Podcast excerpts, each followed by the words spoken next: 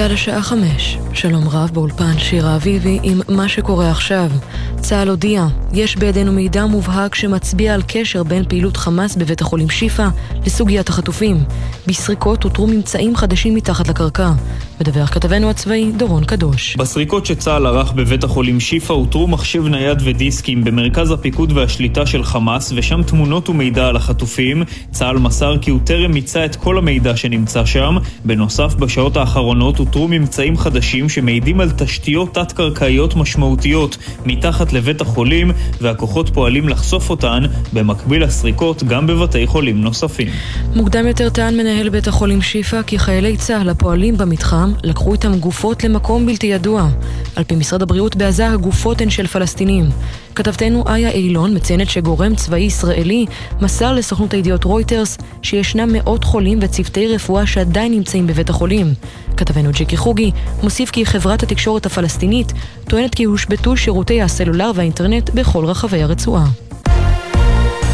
מפקד חיל האוויר האלוף תומר בר אומר לפני זמן קצר חיל האוויר כזרוע האסטרטגית של מדינת ישראל ערוך ופועל בכל רחבי המזרח התיכון. אחוזי הגיוס גבוהים מאוד ועומדים על יותר מ-100%. מרגע פתיחת המלחמה כלל אנשי המילואים התייצבו. מעל 100% התייצבו בשדה ובמטה, ביחידות, בכל המקומות. אין לי ספק שהם נכס לצה"ל, שהם נכס למדינת ישראל. בבית העלמין הצבאי במודיעין מאות מלווים למנוחות את סרן שלמה בן נון, בן 22, שהיה סגן מפקד פלוגה בגדוד 202 חטיבת הצנחנים. סרן בן נון נפל הלילה במהלך פעילות מבצעית בצפון רצועת עזה. עידן זיו, חברו של סרן בן נון, ספד לו. תמיד היית הכי טוב בהכל, מודל הערצה. היחיד שלא משנה מה אי אפשר היה לנצח אותו. תמיד נתת את כולך בשביל כולם, ועכשיו נתת את כולך בשביל המדינה. תודה לך על כל החוויות, הזיכרונות, הרגעים הטובים. ידיעה שהעבירה כתבתנו עינב קרנר.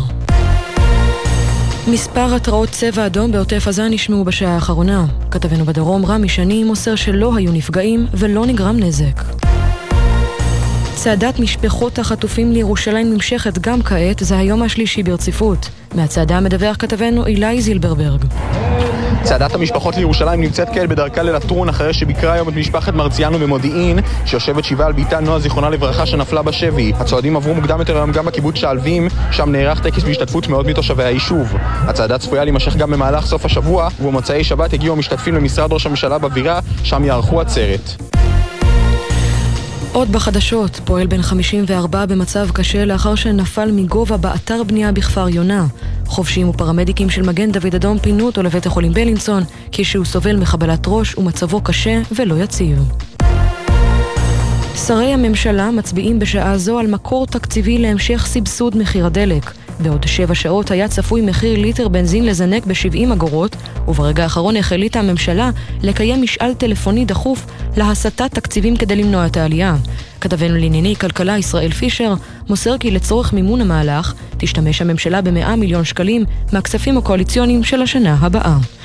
מזג האוויר הערב והלילה מעונן חלקית. בצפון הארץ ובמישור החוף צפוי גשם מקומי ברובו קל. גם מחר ייתכן גשם בצפון ובמישור החוף. אלה החדשות שעורך ערן קורץ.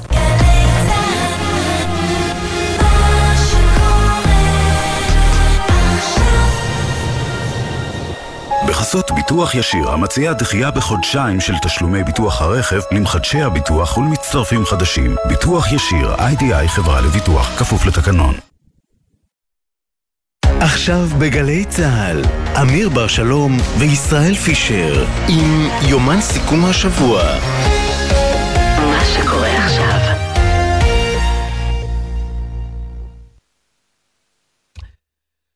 ערב טוב, שלום לכם, שלום רן יבנאי. החיל עוטף אותו במטריה אווירית עוצמתית במיוחד. החלוקה הפשטנית וההיסטורית של האוויר והיבשה היא נחלת העבר. מעולם הקשר בין טייס למפקד טנק לא היה ישיר והדוק כל כך.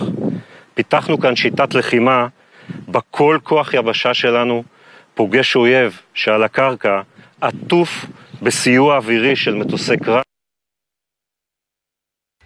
כן, זה היה מפקד חיל האוויר אה, תומר בר. שלום לכם. קודם כל שלום, נעשה את זה מסודר. נעשה את זה מסודר, נרגיע, הכל בסדר. אנחנו נמצאים, אמיר, סיסטם נוף. נוף, ממש על המסלולים. עוד מעט תשמעו כאן כלי טיס כנראה אה, עושים את הפעילות שלהם. כן, ממריאים, נוחתים. אה, ואנחנו ממש נמצאים, אה, לא, לא מרגלות המסלול, ממש בצידי המסלול. אה, כמה כלי טיס עומדים כאן ממש אה, לידינו. התכונה רבה. ואנחנו כאן אה, בשידור כן. מיוחד. ונאמר רק, שמענו קודם לכן, גם במהדורת החדשות וגם קודם בתחילת התוכנית, שמענו את מפקד חיל האוויר, האלוף תומר בר, וצריך לומר, הדברים האלה נאמרו ממש כאן, במקום שאנחנו נכון, נמצאים. נכון, וכמה כותרות מאוד מעניינות, רן, כותרת אחת שתפסה גם את האוזן שלי וגם את האוזן שלך, סביר להניח שנדבר איתה עוד מעט עם אה, סגן א', שהוא טייס קרב, אומר מפקד אה, חיל האוויר את המשפט הבא: חיל האוויר ערוך ומוכן לכל זירה במזרח התיכון. זו אמירה שהיא אמירה משמעותית, משמעותית מאוד. מאוד. משמעותית מאוד. אנחנו כאן, אה, נאמר רק, אה, כאן בבסיס אה, חיל האוויר... הוא גם אמר פועל, הוא גם אמר פועל, הוא ערוך ופועל, הוא פועל בכל המזרח התיכון. ננסה להבין מה זה אומר, רק נאמר, במהלך השעתיים הקרובות אנחנו נביא לכם, נביא לכם כאן קולות של חיל האוויר. במהלך הלחימה, טייסי קרב, טייסי מסוקים, אנשי חילוץ של 669. אה, נביא לכם גם את אנשי אגף הטכני שעובדים פה 24-7 mm-hmm. כדי לחמש את המטוסים לכל הזירות, כמו שאומר מפקד אה, אה, חיל האוויר. בקיצור, יש לנו היום קולות מאוד מאוד מעניינים מהלחימה. בשישה, צריך להגיד, בשישה שבועות האחרונים, אבל היום הזה הוא כן, יום ש... כן, זה שזה הגיע לשישה, תשמע, זה מטורף, אה? זה עבר מהר, כן. עבר, אז לא, הזמן פשוט, אה. מבחינתי הזמן קפא בשבעה באוקטובר, קפא לי הזמן, זהו. מאז לא קרה שום דבר. נעשה את הרגע, זה מסודר.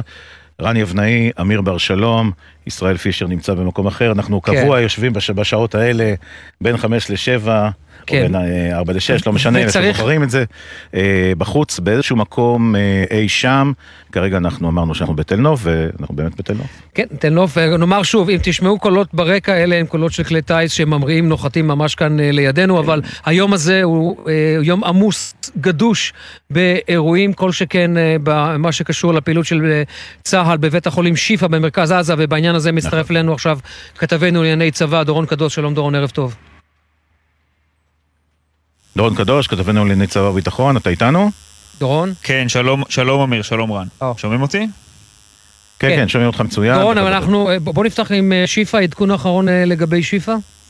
כן, אז קודם כל נגיד, הכוחות פועלים בבית החולים שיפא גם בשעה זו ממש, כוחות של יחידת שלדג וכוחות מיחידות נוספות, כשהם ממש עוברים מבנה אחר מבנה, קומה-קומה, סורקים שם ובודקים אה, אחרי כל ממצא שיכול לסייע לכוחות להגיע למשהו שקשור לחמאס, למפקדות של חמאס שנמצאות שם, לאמצעי לחימה שלהם, אולי גם לסוגיית החטופים, כשכבר אה, בשעה האחרונה צה"ל מודיע את ההודעה החשובה הבאה: יש בידינו מידע מובהק שמצביע על קשר בין פעילות חמאס בבית החולים שיפא לסוגיית החטופים. מה שמצאו שם באחת המפקדות של אה, חמאס שאיתרו בבית החולים זה מחשב נייד עם כמה דיסקים, וכבר מבינים שיש שם לא מעט מידע שקשור לחטופים. בין היתר, וזו רק דוגמה קטנה מאוד, אה, אבל אולי יכולה להצביע במשהו על העיסוק שנעשה שם, זה תמונה של אורי מגידיש. רגע, רק דורון, בוא, בוא נדייק את הדברים. כן. דורון, נדייק את הדברים. אתה אומר שזה נמצא בתוך בית החולים שיפא. אותו מחשב. נכון, בתוך אחד מחדרי הפיקוד והשליטה ששימשו את חמאס, בתוך בית החולים שיפא,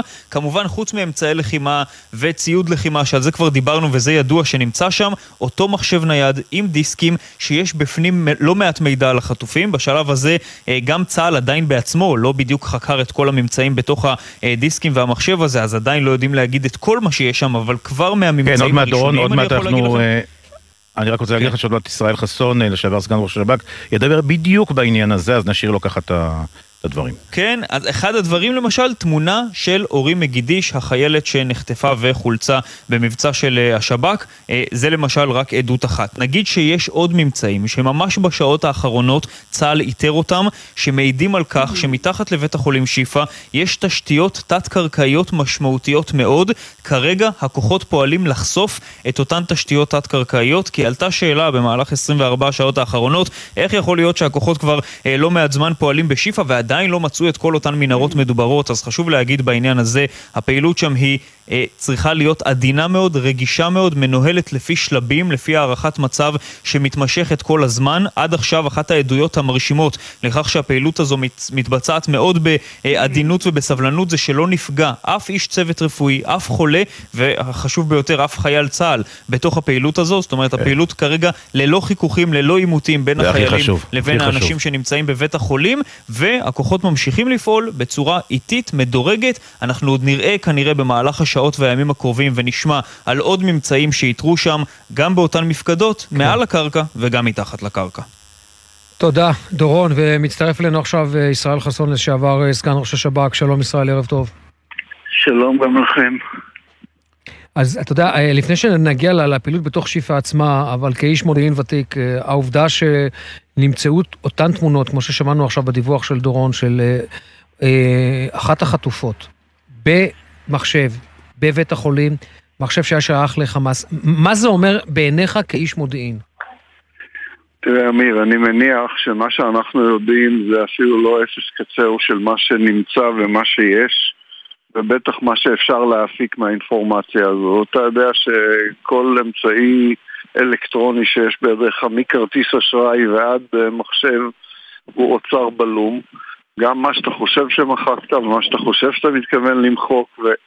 את כל ההיסטוריה. את הדברים האלה אני מניח שיפיקו ולישראל יש אה, מהיכולות הגבוהות ביותר בעולם בהיבט הזה. אז כך בוא, בוא, בוא נניח לעצמנו שמה שאנחנו שומעים הוא אפילו לא אפס קצה הוא של מה שמתרחש שם ומה שכנראה אה, יהיה ידוע לנו בהמשך הדרך. ובנקודה הזו, בנקודה הזו ישראל, רק לחדד את העניין, זה מראה עד כמה חמאס אסף מודיעין, יכול להיות שזה מודיעין גלוי, רשתות חברתיות וכו', אבל כמה מודיעין חמאס אסף לפני, לפני ה-7 באוקטובר? אנחנו עוד רוצה, רוצה לחזק את זה אפילו, אנחנו התייחסנו אליו כארגון טרור שיש לו יכולות, אבל לא ידענו שיש לו יכולות של צבא סדיר, אה, לפחות מבחינה מודיעינית, ראינו שיש לו ב-7 באוקטובר לפחות, אבל לא הבנו עד כמה. אני, אני חושב שאנחנו ידענו עד כמה הוא יודע. אני לא בטוח שידענו עד הסוף, אבל ידענו הרבה מעבר למה שאמרו, פרסמו, ואני חושב שזה גם הגיוני שלא עשו את זה, כי חלק מהדברים חושף את מקורות המידע שלך. אני חושב שהעובדה שהם עשו את זה בצורה סיסטמטית לאורך שנים, כי הם היו מונחי מטרה מאוד uh, מוגדרת. ואתה יודע, אני חושב שאמיר יוכל לספר לך, לא בשידור, מה קורה כשאתה צריך לעשות איזה מבצע שהוא בגדר מבצע מיוחד. אתה אוסף מודיעין שנתיים ושלוש ובסבלנות וברמה של uh, כל שערה שזזה מצד ימין לשמאל על זנבו של החתול. כך שהדבר הזה לא צריך להפתיע אותנו. Uh, היכולות שלהם בהיבט הזה, אני לא בטוח שהפתיע אותנו, יכול להיות שהפתיע אותנו התמונה שהם הרכיבו בסופו של דבר, והמענים... אז ישראל חסון, אני רוצה, אני רוצה לשאול אותך, אה, אה, אתה יודע, משפחות החטופים הרי צמאות למידע, אני מעריך שחלק מהעניין, אה, צה"ל לא אוגר את המידע אצלו, בעצם כן אוגר את המידע אצלו כדי אולי להצליח במבצע חילוץ עתידי, אם יהיה, אה, והרבה משפחות באמת שואלות עצמם עכשיו, איך לא מוסרים לנו? איזשהו שביב? תשמע, אני, אני, אני רוצה ברשותכם להתייחס לסיפור הזה של החטופים בטיפה קצת יותר רחב ואחרי זה אה, אענה על השאלה הספציפית שלך. תראה, אין שום ספק שהמלחמה הזו יש לה תוצאה אחת שהיא מאוד מאוד ברורה והיא מאוד חד-ערכית. האם מדינת ישראל יודעת לספק את הביטחון הדרוש בכדי שתושבי עוטף עזה ותושבי צפון המדינה יוכלו לחזור לבתיהם בביטחון. זה, זה דבר שהוא חד-חד ערכי. לא יכול להיות מצב שבו אתה מחזיר את התושבים כשלא כל החטופים בידיך. כשכל החטופים לא בידיך, סימן שאתה עדיין לא יושב מספיק בטוח. זאת אומרת, התלות פה וההקשר פה בין השאלה הגדולה של לאבד חבל ארץ לבין השבת החטופים ולבין התוצאה היא כמעט בעיניי חד-חד ערכית. לפיכך אין לי שום ספק שכל המערכות עובדות באינטנסיביות הגבוהה ביותר שיש בשביל לתת את התוצאה המשולשת הזו. הרגישות של המשפחות, אלוהים שלא יחליף אף אחד אה, במקומם. באמת, אין, אין, אין בכלל לתאר את הסיטואציה המטלטלת הזו. אני חושב שחלק מהדברים, אם אנחנו רוצים להצליח להגיע למשהו שהוא שחרור חטופים או טיפול בחטופים, אני אומר לך, נכון, אולי זה לא נעים, אולי זה קשה, אבל בשביל להבטיח את התוצאה, לעיתים אתה לא יכול לשתף בהכל. לעיתים אתה פשוט לא יכול לשתף בהכל. אז אני לא יודע במה משתפים אותם, אני לא יודע במה לא משתפים אותם. אני, מובן לי לחלוטין שלעולם, עד שלא נשיב אותם, אנחנו לא נהיה מסוגלים לספק את התחושות הקשות שהם חווים שנייה שנייה ורגע רגע מאותו השביעי באוקטובר הארור הזה. אבל רבותיי, אנחנו חייבים להאמין שאין אדם במדינה הזו שלא יעשה את הכל, שלא עושה היום את הכל, בכדי להשיג את התוצאה הזו. כי התוצאה הזו... לדעתך... ברוכה... כן, בבקשה. רציתי לשאול אותך, האם, האם לדעתך, בתור, באמת בתור איש מודיעין, האם לדעתך אה, צה"ל הצליח לפגוע משמעותית ביכולות המודיעין, האיסוף וכיוצא בזה של אה, חמאס עד היום? תראה, בשלב, בשלב הנוכחי אין לי ספק שכן, זאת אומרת, זה לא, לא, לא יכול להיות שלא. מעצם העובדה שאתה נכנסת בעצם למעוז המרכזי, הוא עוד לא המעוז היחידי, אבל הוא המעוז המרכזי. ואתה שיבשת, ואתה ניפצת, ואתה הרסת, ואתה הזזת, אין ספק שאתה משבש. אין, אין ספק קל שבקלים שאתה משבש. פגעת בסדרי התקשורת ברצועת עזה, אין ספק שאתה משבש. זאת אומרת, כל הדבר הזה, דרך אגב, גם אם אתה לא משבש אז הם חשופים יותר. ומהבחינה הזו, אין לי ספק ששיבשנו את הדבר הזה. אני חושב שאנחנו אה, אפילו עוד לא במחצית הדרך. וכדאי שניקח את הסטופר שאנחנו מודדים ימים ושעות ודקות, נזרוק אותו כן. לים, כי אנחנו צריכים להסתכל איך אנחנו מתקדמים לקראת התוצאה. והתוצאה היא החזרת החטופים והבטחת רמת ביטחון שיאפשר שיבה לביתם של כל התושבים בהתיישבות סביב עזה. ישראל חסון, לשעבר סגן אה, ראש השב"כ, הלוואי שיחזרו כמה שיותר מהר אה, כל החטופים, אמן. כל החטופים אמן. והחטופות. אמן. ותודה רבה לך על השיחה. תודה ישראל, ערב טוב. כל טוב, אמן. כל טוב. ערב טוב, ערב טוב לך. ומצטרף אלינו עכשיו אה, מאולפן גלי צה"ל בירושלים, הוד בראל, כתבנו ביהודה ושומרון, שלום הוד. כן, שלום אמיר ורן. שישה בני אדם אה, נפצעו בפיגוע ירי שהתרחש אה, הבוקר בסביבות השעה תשע ורבע במחסום המנהרות, אה, בעצם על ציר 60, דרומית לירושלים, על גבול גוש עציון. שלושת המחבלים חוסלו בזירת הפיגוע ואמצעי לחימה רבים נמצאו ברכבם של המחבלים. ניתן רגע עדכון מבחינת הפצועים. בחור צעיר בשנות ה-30 לחייו נפצע במצב אנוש בפיגוע הזה, והוא מאושפז כרגע בבית החולים שערי צדק, שם הרופאים נלחמים על חייו. בנוסף, אה, שני פצועים בשנות ה-20 לחייהם פונו במצב בינוני לבית החולים שערי צדק, ושלושת הפצועים הנוספים פונו לבית החולים הדסה עין כרם, כאשר שניים הם במצב קל ועוד אחד אה, במצב קל עד בינוני. שישה נפצעו אה, בפיגוע הזה, אך הוא יכל להסתיים על פי הממצאים בזירה קשה בהרבה יותר. כאמור, בסביבות השעה תשע ורבע בבוקר, רכב ובו שלושה מחבלים פלסטינים מאזור חברון הגיע מכיווני גוש עציון והיה בדרכו לירושלים.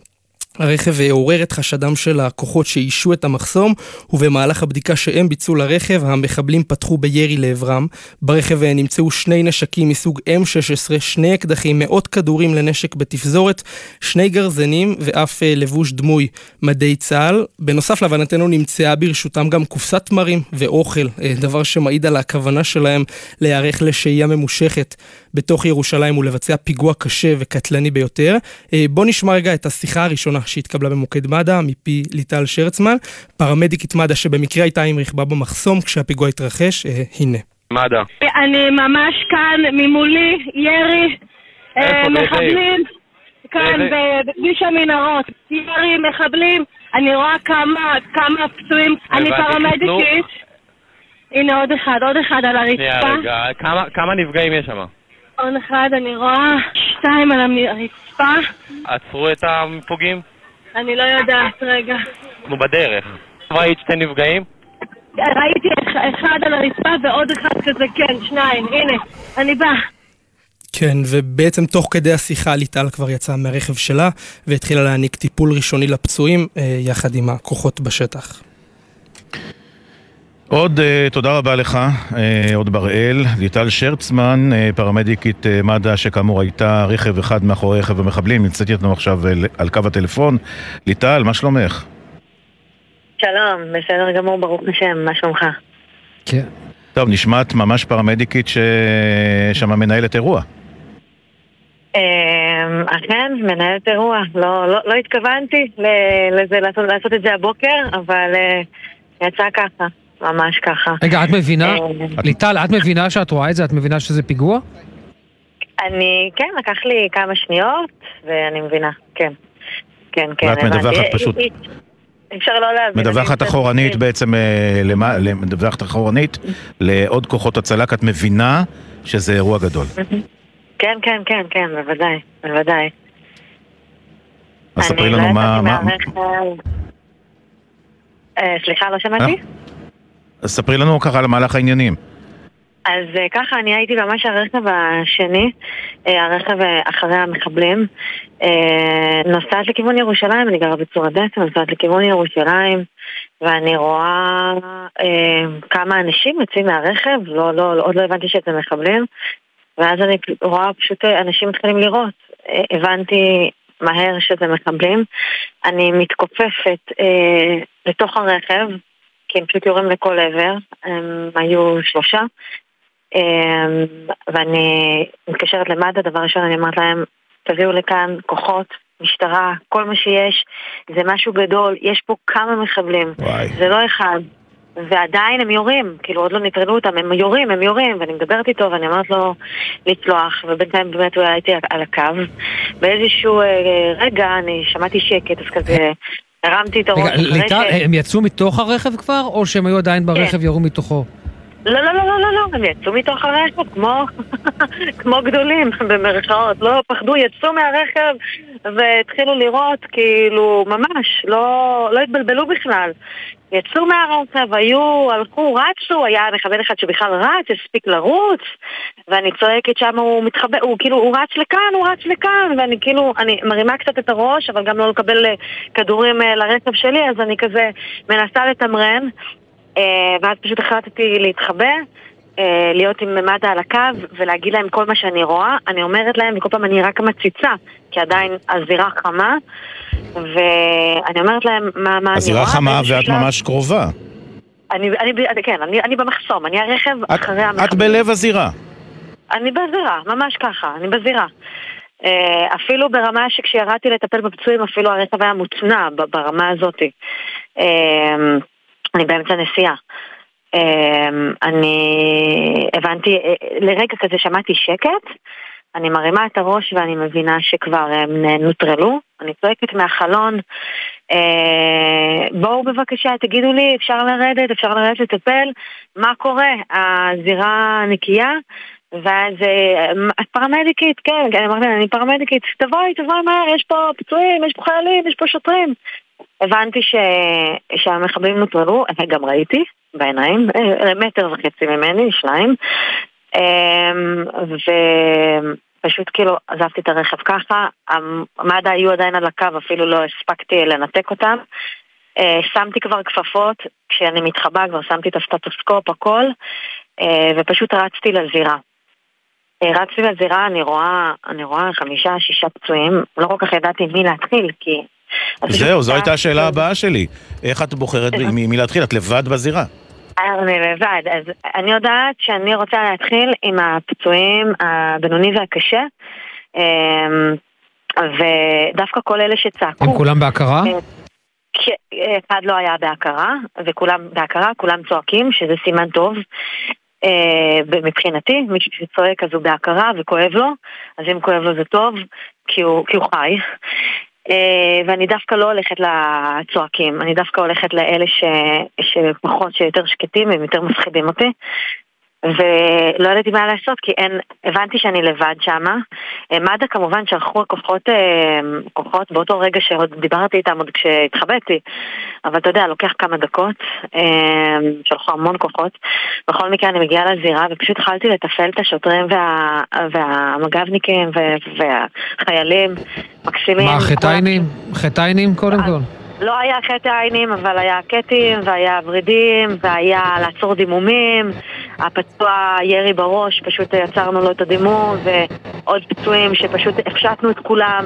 וממש ברמה של תביא לי מספריים, תפשיט את הזה, עכשיו אתה הולך לפה, אתה מטפל בו. כאילו ממש תפעלתי אותם ברמה שהבנתי שאני צריכה לטפל, אני לא יכולה לטפל באמת בשבעה פצועים לבד. ותגידי, אחרי כמה זמן הגיע בעצם עוד עזרה אה, של פרמדיקים, אמבולנסים, מד"א? אמבולנס אה, לבן ונתן הגיע אחרי איזה חמש, שבע דקות, משהו כזה, ואז כבר התחילו המון כוחות להגיע, המון אה, כוננים של מד"א ואופנועים ושל הצלה ללא גבולות, המון המון כוחות היו שם. כן. כן, אבל זה היה כמה דקות ארוכות, כן. ומה שעשיתי פשוט... שלחתי את השוטרים, אתה מסתכל על הזירה הזאתי וקורא לי אם יש דימומים או מחוסרי הכרה. אתה על צד ימין, אתה על צד שמאל. פשוט שלחתי כל אחד למקום אחר. את, את לבד בזירה, פשוט... ליטל, זהו, ממש לסיום, רק מה את עושה בחיים? אני מנהלת קניון של אה, מרכז חיים זקן בביתר. אז את יודעת לנהל. אז ניהלת זירה, אה, ממש ניהלת ניהול אמיץ תחת אש אפילו. ברוך השם, אני פרמדיקית של אה, כן. מד"א בגאווה ואהבה. זה אני עושה את זה אז אנחנו, אנחנו קודם כל גאים אה, שיש לנו אותך. אה, שלא נזדקק, אבל אנחנו, איך אומרים? אנחנו שמחים שיש אנשים כמוך, וכל הכבוד לך באמת על, ה, על הנחישות ועל ה... ועל, על ה לא יודע, זה, זה, עכשיו אתה מגיע לזירה קור כזאת. רוח. קור רוח מטורף. ואנחנו מאוד רוצים להודות לך, ואת יודעת, את עכשיו בבית, זהו. אה, עוד לא, עוד מעט, עוד מעט. עוד מעט, עוד אפילו לא הגעת הביתה. כן, כן, כן. כן תודה ליטל שרצמן. תודה רבה. ליטל שרצמן, פרמדיקית אה, מד"א, שאני אעלה היום את כל אה, סוגיית הטיפול בפצועים במהלך הפיגוע לבד, עד שהגיעו אחר כך האמבולנסים. Uh, תודה רבה לך, אגב, אם אני לא יודע אם אתם שומעים, אבל יש לנו כאן כמה מסוקים או מסוק כן. של עמרי. לא רק כמה מסוקים, יש לנו גם את סרן עין איתנו, קצין ההחזקה. הכי חשוב, סרן עין. של טייסת אבירי הזנב הכפול, מי שיודע, זה F-15, טייסת 133 המהוללת, שאגב, תומר בר, שמפקד חיל האוויר, היה המפקד שלה. נכון, נכון, ערב טוב לכולם. ערב טוב, סרן עין. מה שלומך? אה, בסדר גמור, בסדר גמור. תגיד, עובדים 24-7, ממש אבל, נכון? כן, כן, אנחנו מהיום הראשון עובדים 24-7, מהיום הראשון של המלחמה כמובן עושים כל מה שצריך, כל מה שנדרש. מתי הגעת לטייסת? ב-7 לאוקטובר, אה, בסביבות 6 בבוקר אה, בממ"ד עם כל המשפחה, ו-20 דקות לאחר מכן אני כבר נמצא בדת"ק, מכין את המטוסים יחד וואו. עם אה, צוות שהיה פה. שינה, שעות שינה מאז כמה ממוצע בלילה? אנחנו עובדים מסודר, עובדים במשמרות, מנהלים את זה בצורה טובה. יש ויש, יש רגעים שצריכים להיות פה יותר, יש רגעים שצריכים להיות פה פחות, אבל אנחנו פה לא, לא, לא מתעסקים יותר מדי בשעות שינה. רגע, רק אה, אתם שומעים את הרעש ברקע, אה, זה... אמיר מתלהב, הוא כן, כאילו... כן, כן. נו, מה לעשות, אני אוהב, אתה יודע, אני, אני, אני אוהב צבא, אני אוהב את חיל האוויר, ואתה יודע, זה, מה שאתם שומעים ברקע זה מסוק שעובר אותנו ככה בזה הרגע, אני מקווה שמושכים אותנו מספיק טוב. בוא, עין, תתקרב ממש למיקרופון כדי שישמעו אותך, או הנה, קצת התרחק. אבל יש שאלה שאני חייב לשאול אותך, כי שמענו קודם את מפקד חיל האוויר, שמעת פה, אתה ראית אותו בטח במהלך היום, ואמר, חיל האוויר ערוך ומוכן לכל זירה במזרח התיכון, ואני שואל את עצמי, מה? זאת אומרת, יש מטוסים אצלך שמוכנים לעזה וללבנון? תראה, אצלנו, אנחנו אה, כגף טכני, אני מדבר כמערך החזקה כולו אה, בחיל האוויר, אנחנו בסוף... אה, יש לנו uh, משימות uh, רוחביות, מדויקות, אנחנו עושים uh, כל משימה שמתבקשת. Mm-hmm. מקבלים את הציוד, מקבלים את הצוותים, עושים מה שנדרש, מכינים את המטוסים, ואנחנו ערוכים לכל משימה שמפקד אחראי לדרוש, בכל עת, בכל שלב, בכל שעה ביום. בשביל להביא את הניצחון ו...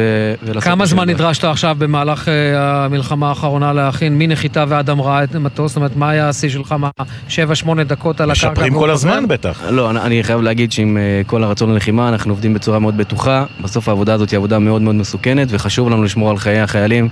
uh, חיי אנשי, אנשי הקבע וחיי אנשי המילואים שהצטרפו אלינו ונותנים מכפיל כוח מטורף בזמנים כאלה.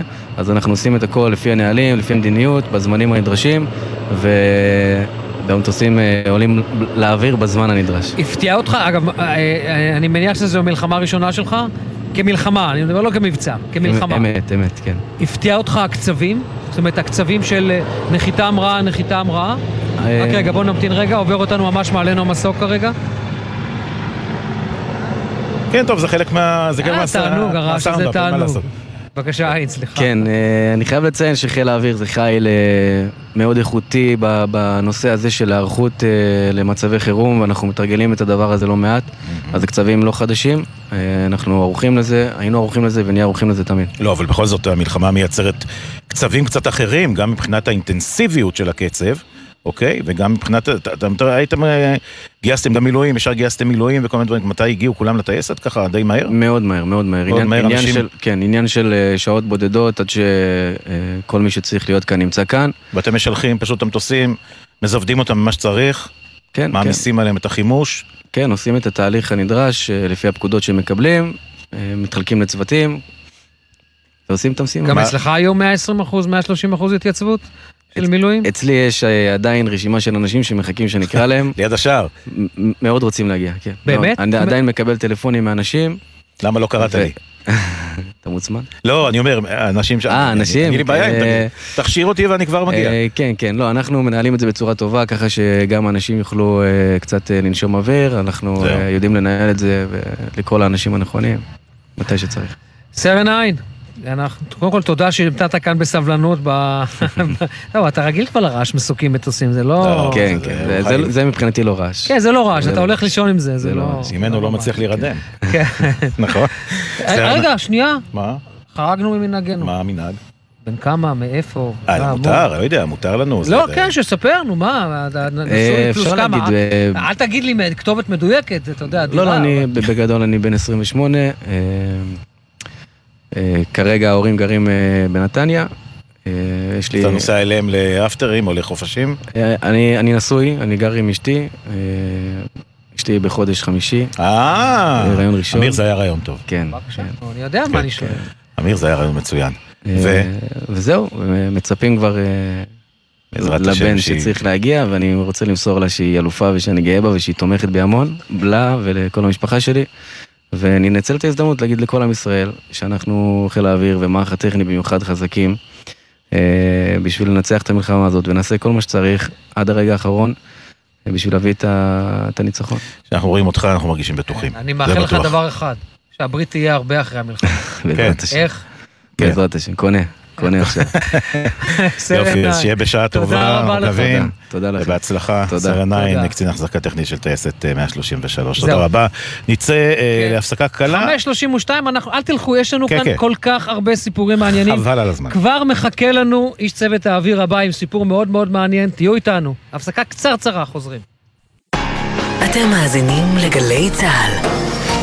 אוניברסיטת בר אילן הקימה למען הקהל הרחב קו חם לתמיכה רגשית. פסיכולוגים ועובדים סוציאליים כאן בשבילכם. חפשו בגוגל הקו החם בר אילן. עם ישראל, הביטוח הלאומי הוא מגן הזכויות שלכם, ואנחנו כאן בשבילכם גם כדי להגן על הנפש. אם אתם חשים חרדה או מצוקה נפשית שמקשה עליכם בתפקוד היומיומי, הביטוח הלאומי מממן לכם טיפולים אישיים, זוגיים או משפחתיים, עם מטפלים מומחים ובלי בירוקרטיה. כל מה שצריך לעשות הוא לפנות אל מרכזי החוסן והמרפאות המטפלות ולקבל את הסיוע שאתם זקוקים לו. הביטוח הלאומי מחבק אתכם ועומד לצדכם גם ברגעים האלה. לפרטים נוספים ייכנסו לאתר הביטוח הלאומי.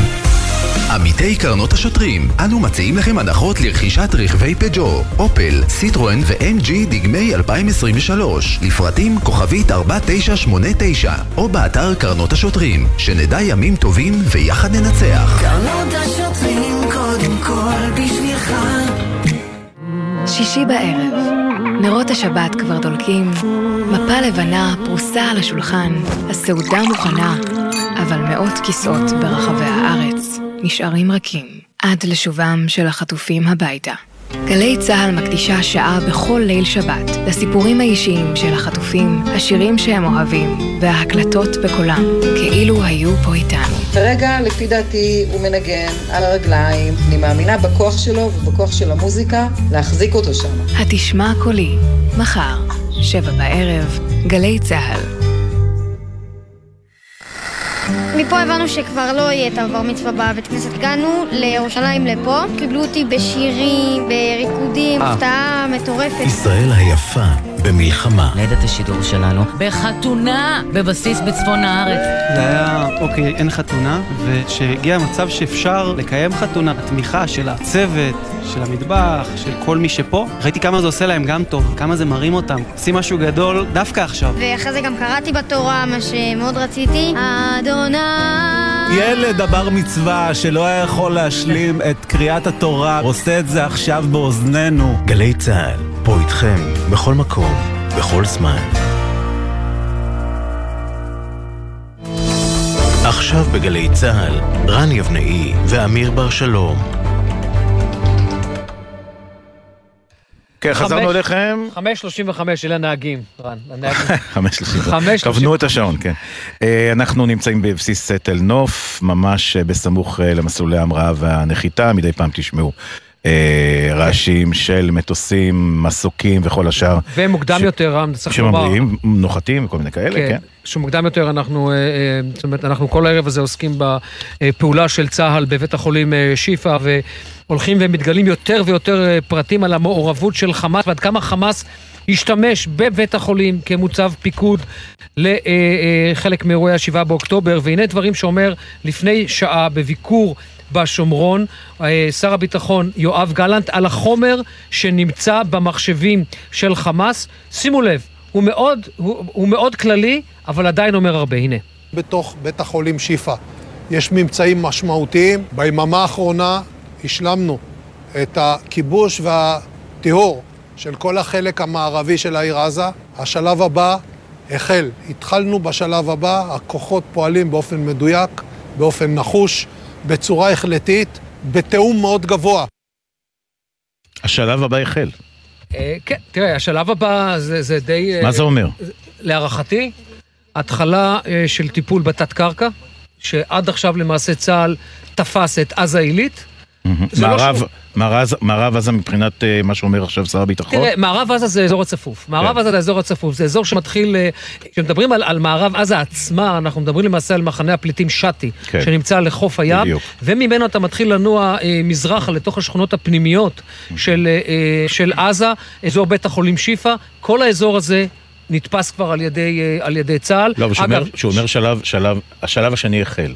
מה זה אומר? שבאמת עכשיו הם חופרים... להערכתי מתחילים לטפל בתת קרקע, וכמובן, לטהר את כל החלק שאתה כבר נמצא בו, אבל כנראה לא טיהרת אותו לחלוטין. אבל,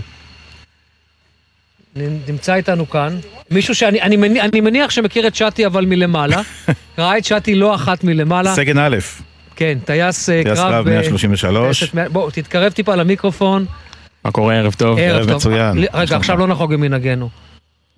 בן כמה? עד לא, כמה לא שאפשר, מאיפה? מהשיכון משפחות. כן. מה זאת אומרת מאיפה?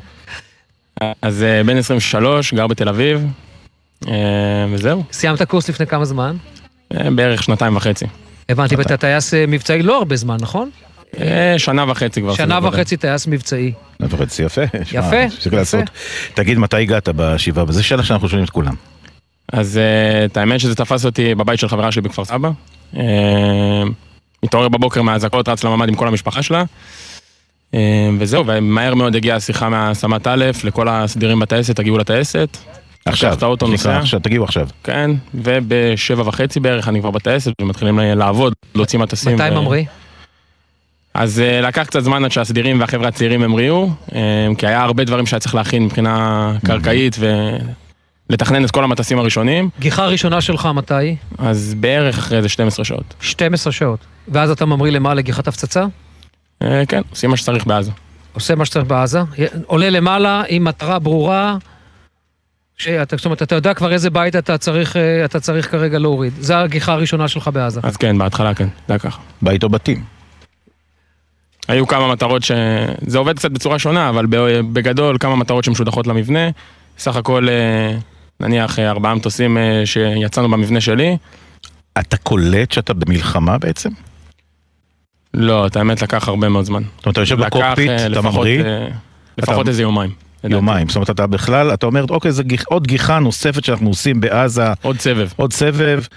אה, ואתה יושב בקוקפיט, אתה מעל עזה, אתה אפילו לא קולט שאתה כרגע בזמן מלחמה, וזה דבר שכנראה יימשך תקופה. אז לא, לוקח זמן עד שאנחנו מבינים שזה משהו שייקח זמן עד שיעבור. מה, מה למעשה, מה למעשה, מתי אתה מבין שאתה חוצה את הקו הזה מסבב למלחמה? אז נראה לי כשתכלס זה יצא בתקשורת ואמרו מלחמה, mm-hmm.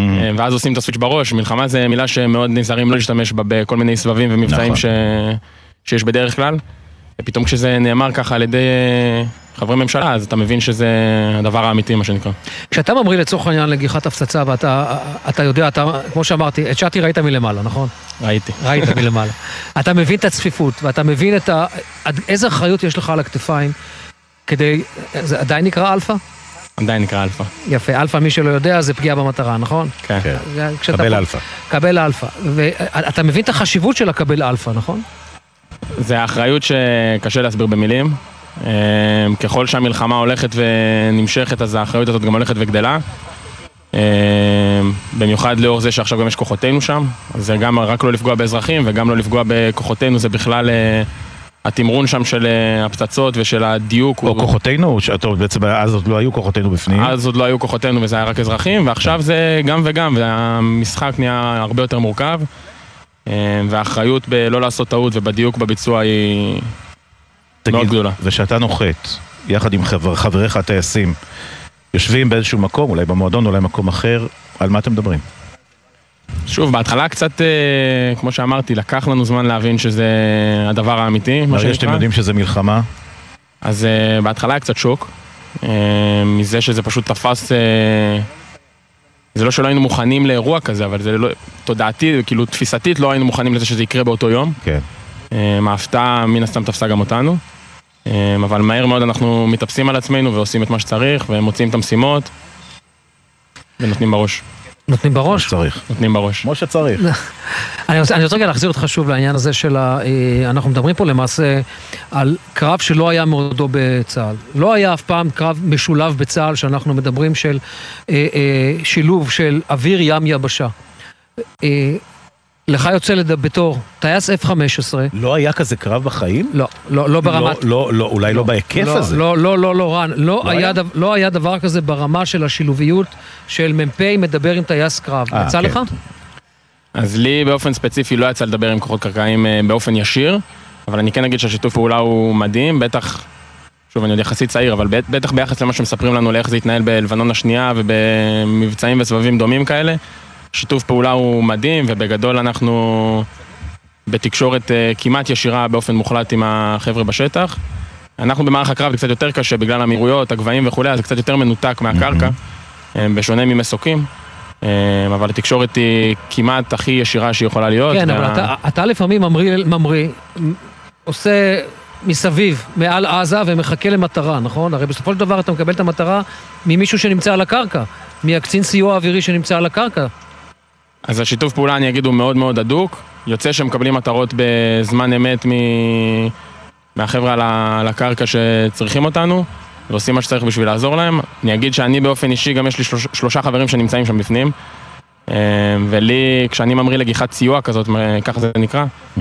אז אותי באופן אישי זה מאוד מאוד אה, נותן אה, כוח ומאוד מאוד מרגש קדימה. כי אני מרגיש שאני ממש עוזר לחברים שלי, ממש מכיר באופן אישי. אה, אתה מדבר, אנחנו, תודה, אה, אני אצטט לך דברים שבטח שמעת ודיברנו קודם לכן גם עם, אה, עם סרן עין.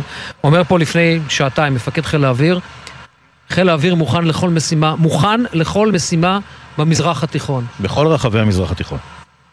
איפה זה תופס אותך? אז אנחנו מוכנים להכל, כמו שהוא אמר. תופס בתדריכים, בתוכניות לחימה, בפקודות, אנחנו מוכנים למה שצריך. בשבועיים האחרונים לא טסת רק מעל עזה. אנחנו מוכנים לכל מה שצריך. תשמע, כך צריך.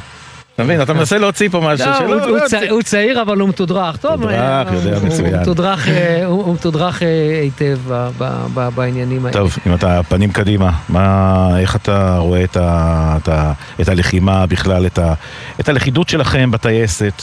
ספר לי קצת, מילואימניקים. אז אני אגיד שהאווירה מאוד טובה. חבר'ה נלחמים על המקום על הלוח וכולם רוצים לטוס כמה שיותר. אה, קדימה. מבחינת האווירה בתוך הטייסת, שוב, אני לא צופה פה איזושהי ירידה במוטיבציה או משהו כזה. החבר'ה, שוב, נלחמים על כל אה, טיסה. אה, ואנחנו מאוחדים עם הפנים קדימה, כמו שאתה אומר. רגע, אתה טס על חד או על דו? זה גם וגם. הטייסת שלנו היא הטרוגנית. כלומר, אתה טס גם על חד מושבי וגם על דו מושבי. מהמם. מה, אגב, זו תמיד שאלה שאני שואל את עצמי, מה עדיף? מדוע יש לך עם מי לדבר, לא? דו יותר כיף. דו יותר כיף. יש, ח, יש חבר למושב. יש חבר למושב. יש לך, מילואימניקים, אה, טסת עם מילואימניקים מאחורה, ככה אתם מעבירים, מה, מדברים בדרך? כשאתה שם, אתה יודע, עושה מעגלים מעל. אז הציוותים הם, אה, שוב, הם משתנים כל טיסה. אתה בגדול יוצא לך לטוס עם כולם אה, במלחמה הזאת תוך שבוע וחצי, רצת על כל הטייסת כבר. תן לי חוויה אחת. תן לי, אבל באמת, תזקק לי חוויה אחת. חוויה אחת. לא לי, למאזינים. לא, אותי מעניין בכלל, קודם כל אם מדברים, אם מספיקים בכלל לדבר בדרך, על הווה על דעת. זה מאוד. מאוד תלוי גיחה. יש טיסות שהקצב הוא גבוה מאוד, ובגדול מהמראה עד נחיתה אתה עם דופק אה, 2000, וכל מה שאתה עושה זה עובד ועושה מה שצריך. ויש טיסות שהן יותר רגועות, שאתה עולה לשמיים ומחכה שייתנו לך משימה יותר ספציפית, ושם אז אה, יש יותר זמן אה, לדבר. א', אני לא אוותר לך, סדרת שבי עברת, אבל בגלי צה"ל יותר קשה, אני רוצה עדיין חוויה. וואו, חוויה. שאלה קשה. יש לו פשוט... לא, שיחה מעניינת שהייתה לך עם מישהו, אתה יודע, בקוק שאתם שם למעלה באיזשהו גובה. הוא עובד בקצבים כן, מטורפים. תגיד, הוא זוכר עכשיו איזה חוויה שהייתה לו? בחייך. תתרכז אני- במשימה. אני אני אגיד לך למה אני שואל את זה, אתה יודע, יצא לי פעם באחד הסבבים לדבר עם טייס אה, מילואים וטייס סדיר. הנווט לדעתי היה טבח. הוא סיפר לי שבזמנים שהם למעלה, היה שף. הם מחליפים מתכונים. הוא היה שף, הם מחליפים מתכונים, אז זה לא יצא לך, אני מניח. זה כנראה לא קרה. זה עדיין לא. אני גם לא שף. אתה גם לא שף, אולי תהיה, מי יודע. סגן א', טייס קרב בטייסת אה, 133, תודה רבה לך. תודה רבה לך. שמור עלינו, שמור על עצמך וגם על החברים שלך וגם על החברות שבטח נמצאות. תודה רבה. תודה רבה. תודה. להתראות. אה, טוב, תשמע, אה, כן. מדהים, כאילו, אתה חשבת להוציא מתכון, בעצם כל הסיפור שלך היה להוציא מתכון. תראה, אני, אני יושב מולנו הלם חמודות. ואנחנו כולנו מדברים, אתה יודע, מדברים גבוהה ומדברים על, על, על צבא, אבל אתה בסופו של דבר גם רוצה לחדור את הבן אדם. כן, אבל אתה לחדור קצת טייס, את, ה, את, ה, לו. את הקליפה, ואתה יודע, גם, גם, גם טייס הוא בן אדם, וזה נורא מעניין, אתה יודע, בן אדם שיושב על מכונת מלחמה כן, עם אבל הוא אחריות כל מוגבל, כך הוא גדולה. לא יכול לספר לך, הוא אין מה לעשות. רן, רן, נו. רן, תהיה איתי, לא נגדי. אני איתך, אני אוקיי. אני מלטף אותך כל הזמן, מה קרה לך? טוב, אה, בואו נעבור קצת דברים קצת יותר רציניים. אה, אה, אילי זילברברג, אילי כתבנו. זילברברג, כתבנו שנמצא בצעדת אה, משפחות החטופים ממש עכשיו. שלום לך, אילי, אילי. איפה אתם? שלום לכם אה, רן ואמיר, כן אנחנו נמצאים כאן אה, עם אה, צעדת אה, משפחות החטופים אה, לירו- לירושלים, אה, כרגע אנחנו אה, מגיעים בעוד אה, בערך קילומטר אה, ללטרון, אה, שם המשפחות יעבירו את הלילה ובעצם יחתמו את היום השלישי אה, למסעם, היום השלישי ברציפות אה, מאז יצאו מתל אביב אה, שלשום. אה, היום הם אה, יצאו בבוקר מבית חשמונאי, שם הם אה, העבירו את הלילה, יצאו לכיוון הקיבוץ שלווים, שם חיכתה להם עצרת שארגנו תושבי הקיבוץ, באמת הגיעו מאות מתושבי הקיבוץ וערכו עצרת וגם תפילה לשובם של החטופים חזרה הביתה. גם חברי כנסת ושרים הגיעו, הגיעו חברי הכנסת יוליה מלינובסקי אה, מיש עתיד ועודד פורר, גם, אה, סליחה, מישראל ביתנו ועודד פורר גם הוא אה, מישראל ביתנו. אה, הגיע גם אה, השר אה, משה ארבל.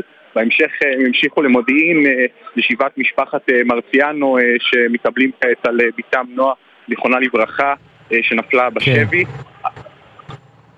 כן, אה, אה, כן, כן. אילי, אה. כמה- צועדים יש כרגע בצעדה הזו?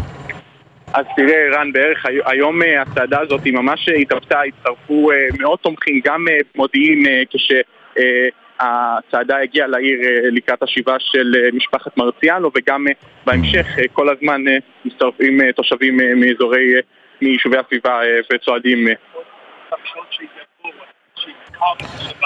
אילי אה, זילברברג, אנחנו נודה לך בשלב כן, הזה, כתבנו שנמצא, כן, קצת קשה לשמוע בצעדת אה, משפחות החטופים. תודה כן. רבה לך. שלום, אנחנו אומרים עכשיו שלום וערב טוב לדנה שיינין, החברה הכי טובה של אה, נועה מרציאנו, חיילת צה"ל שנחטפה והוכרזה. חללת צה"ל. חללת צה"ל. שלום, דנה. שלום, ערב טוב. ספרי לנו קצת על נועה, החברה הכי טובה שלך. כן, אמ, נועה ואני מכירות אה, מאז שאנחנו ביסודי. אה, בכיתה ט' הייתה לנו הזדמנות אה, טובה להתחבר. אני מסכים, אני בטוחה שהרבה בני נוער הסכימו איתי שתקופת החטיבה זו תקופה קצת מורכבת מבחינה חברתית ובסוף כיתה ט' כשהרגשתי קצת עבודה מהבחינה הזאת נועה הייתה הייתה שם בשבילי. היא הייתה הבן אדם הראשון שיכלתי להרגיש שאני סומכת עליו. אה, זה התחיל רק אה, בתור חברה בשכבה, זה כאילו, זה התגלגל לזה ששתינו היינו ביחד בתנועת המש"צים. אה, שם כאילו אנחנו זכינו לצאת לטיולים ולהעביר המון זמן ביחד. ודברים התגלגלו, נהיינו באותה כיתה ביחד. ופשוט אה, כאילו בטבעיות, נהיינו חברות הכי טובות. אני עכשיו אה, כבר אה, בת 19. יצא שבתקופה ש... של המלש"ביות, אז המון מהזמן שלי עברתי עם נועה, הייתי, אני עבדתי איתה ביחד, אנחנו טסנו ביחד לטיולים בחו"ל. בתור החברה הכי טובה שלי, אנחנו אין, לא היה דבר כזה שאני חוזרת אה, בשבת אה, מהצבא ו, ואני לא, לא פוגשת אותה. בכללי, נועה היא... אה, וזה משהו שאמרו ואני אחזור עליו שוב ושוב ושוב ואני לא אפסיק שהיא קרן אור, באמת, היא, היא בן אדם אופטימי, בן אדם שמח, היא בן אדם שהחיוך שלה זה, זה מה שמאפיין אותה הצחוק שלה זה, זה הדבר שהכי דומיננטי בחדר וש... ושהיא צוחקת אז כל החדר מתמלא בזה. יש לה גרומות חן ענקיות שבכל אה, חצי חיוך שמים לב אליהם. כמו שאמרת, אדם... קרן אור, אפילו קרני אור. מה זה? את אמרת קרן אור גדולה שמפזרת בכל חדר שהיא נמצאת בו. נכון. היא פשוט... תגידי ב... אין. כן, כן, תמשיכי. היא פשוט... אין בן אדם שזכה להכיר אותה ולא קיבל ממנה רושם ראשוני שהוא לא טוב כי, כי מה שהיא משדרת לסביבה זה, זה רוגע ושלווה ושמחה והיא רק אה, מחפשת לתרום ואיפה לעזור ואיפה להקשיב ואם זה כאילו בצורה הכי אישית שאני נגיד חולת קורונה אז uh, היא תדבר איתי והיא פשוט תביא לי הביתה uh, קילו גלידה מאיפשהו כי היא יודעת ש... שאני אוהבת גלידה או שהיא תכתוב לי איזה פתק או שהיא uh, תכתוב לי ברכה מרגשת שכאילו למזלי הכל שמור אצלי והכל נצור אצלי ובאמת uh, בן אדם טהור. והייתה לך תקווה שהיא חטופה ועד ההודעה האחרונה. פשוט מהרגע, בכללי, כל ההתחלה של, ה, של הסיפור הנורא הזה, זה היה אה, מאוד אה, באפלה, כאילו אני לא הבנתי במשך זמן ארוך מה הסיפור, אם היא חטופה, אם היא נהדרת, אם היא בסדר, אם היא לא בסדר. ברגע שקיבלנו הודעה רשמית שהיא חטופה, אז ואני הרבה, אני שמעתי הרבה דעות של, אה, של אנשים שאומרים שזה, שזה נורא ושהיה עדיף, אה, היה עדיף כבר אה, שמי שחטוף ימות, אבל אני, אני הסתכלתי על זה בדיוק ההפך, אני הסתכלתי על זה בתקווה לחיים שלה וגם בגלל האמונה הכל כך גדולה ש, שהייתה לי, שהיא, שהיא כל כך אופטימית וחזקה, שהיא תחזור בשלום ו... ושהכל יהיה בסדר בסוף, אני לא, לא ראיתי שום תרחיש אחר. לא ראיתי שום סיטואציה אחרת אה, שקורית. וואו, סיפור קשה. כן, כל כך, דנה, קודם כל... אה, רוצים לחזק אותך עד כמה שאפשר. בדיוק. באמת, מכאן. תודה. אה, ותודה ששיתפת אותנו. אה, תודה. על נועה מרציאנו, אה. חללת צה"ל רק חשוב לי להגיד שחטופה משהו בעזה. אחרון. חשוב לי להגיד משהו אחרון שהערכים של נועה שיצא לי לדבר על קצת מהם עכשיו בשידור הם אה, ערכים של בן אדם טוב וחשוב לי שהאנשים ששומעים את הסיפור הזה רק ייקחו מעצמם, ייקחו לעצמם את הערכים האלה כדי לנסות להפוך לאנשים טובים יותר, זה באמת חשוב. תודה. דנה, תודה רבה. דנה שיינין, חברה הכי טובה של נועה מרציאנו, זיכרונה לברכה. תודה רבה לך. ג'קי חוגי, פרשן לענייני ערבים, מצטרף אלינו. ג'קי, שלום. שלום, ערב טוב לכם. ג'קי? כן. ג'קי כן, אני איתנו? איתכם, אתם שומעים? לא, כנראה לא איתנו, תשמע, כל פעם שאנחנו שומעים את הסיפורים האלה, כן. על... על- על... אתה יודע, זה... ג- גם השקט שהיא סיפרה היה כן. כל כך חודר. לא רק השקט, גם, אתה יודע, היא העבירה את הטוב, היא העבירה את הטוב של נועה, פשוט ככה. אני שומע. ג'קי, אתה איתנו? כן, אני איתכם אה, כל הזמן. אנחנו שמענו אותך. כל ג'קי, הזמן. אני רוצה לדבר איתכם על אירוע שקצת אה, קצת חמק מתחת לרדאר, וזה פיצוץ בניין הפרלמנט ברצועה, אה, או כמו שהוא נקרא, המועצה המחוקקת, ולשמוע את דעתכם. אה, כוח של גולני והנדסה פוצצו אותו אה, שלשום. בצה"ל אומרים שהוא שימש מטה או מתקן של הזרוע הצבאית של חמאס, אבל אה, אני רוצה לדבר איתכם על ההיבט הפוליטי של הסיפור, כי יש פה משמעויות מהסוג הזה שקצת נשטפו בזרם החדשות, וכדאי להתעכב עליהם קצת, אה, אפילו עכשיו. אה, כי כמו שאתם יודעים, אין משחק פוליטי בעזה, או חיים דמוקרטיים. הפרלמנט הזה הוא לא בית אני רק אומר לך, המחוקקים. ג'קי, שאנחנו קצת לפני חדשות. כן. אה, יכול להיות שנחזור אליך. אה, אחרי השעה. אחרי השעה, בינתיים, ככה עד ש... כמו שמאפשר לנו הזמן. אז. אתם, אתם רוצים שנדבר על דברים אחרים? כן, ג'קי, ג'קי בוא, בוא נחזור? אליך אחרי, ב- ב- בוא, לא, בוא, בוא נחזור אליך בתחילת השעה הבאה, אנחנו לא רוצים לקטוע אותך באמצע. אה, מצוין. זהו, אנחנו, בסדר, נחזור אליך מיד אחרי חדשות השעה 6. אנחנו כאן, בסיס תל נוף, כן, בבסיס תל נוף, מסיימים את השעה הראשונה. שעה ראשונה שהייתה גדושה, חלקה מאוד מאוד אה, כן. כבדה. ונאמר רק, תישארו איתנו, יש לנו עוד סיפורים באמת של הלוחמים. יש לנו כאן מפקד צוות ב-669, יש לנו כאן את אחד מטייסי המסוקים שהשתתף ביום הראשון ללחימה, וגם הוא כמעט ונפגע מהירי. שצריך להבין שכל החילוצים שאנחנו שומעים מתוך עזה, זו אותה יחידה.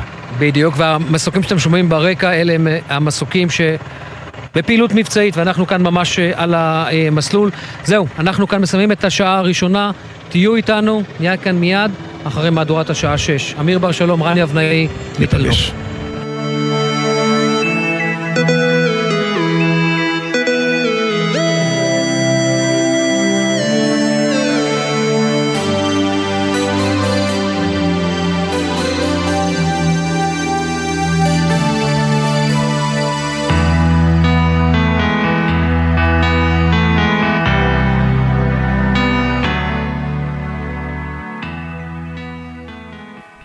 בחסות ביטוח ישיר, המציע דחייה בחודשיים של תשלומי ביטוח הרכב למחדשי הביטוח ולמצטרפים חדשים. ביטוח ישיר, איי-די-איי חברה לביטוח, כפוף לתקנון. אתם מאזינים לגלי צה"ל.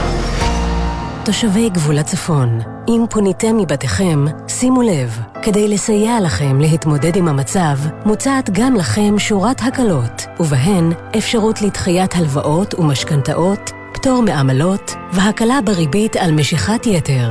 לרשימת היישובים ולמידע על ההקלות המיוחדות לאוכלוסיות שנפגעו, היכנסו לאתר בנק ישראל.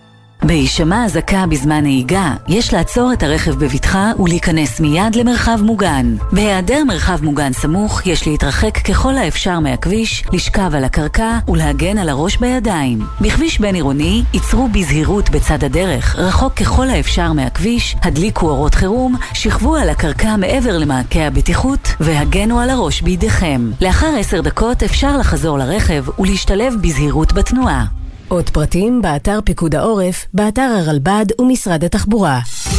גלי צה"ל פה איתכם גם בסוף השבוע. מחר ב-8 בבוקר, משה שלונסקי מארח את האלוף במילואים גדי שמני במחשבות בעם. ומהצהריים ועד הלילה, אודיה ונתן, דני רובס, שמעון פרנס, דוד פרץ, הדוקטור שולה מולה ואורלי יניב, עם מוזיקה ותובנות משותפות. אוגרים כוחות לשבוע חדש. גלי צה"ל פה איתכם, כל מקום, כל הזמן.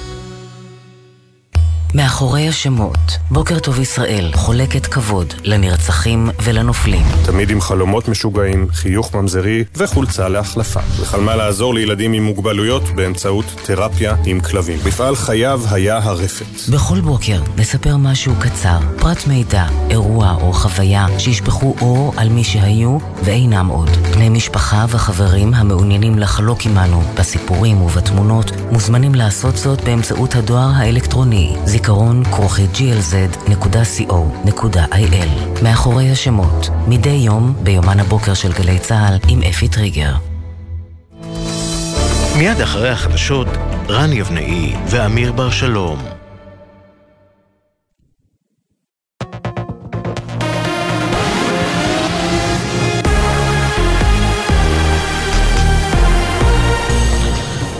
צה"ל השעה שש, שלום רב באולפן ערן קורץ עם מה שקורה עכשיו.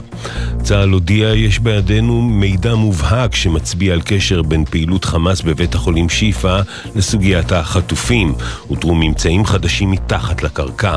מדווח כתבנו הצבאי דורון קדוש. בסריקות שצה"ל ערך בבית החולים שיפא אותרו מחשב נייד ודיסקים במרכז הפיקוד והשליטה של חמאס ושם תמונות ומידע על החטופים. צה"ל מסר כי הוא טרם מיצה את כל המידע שנמצא שם. בנוסף, בשעות האחרונות אותרו ממצאים חדשים שמעידים על תשתיות תת-קרקעיות משמעותיות מתחת לבית החולים, והכוחות פועלים לחשוף אותן, במקביל לסריקות גם בבתי חולים נוספים.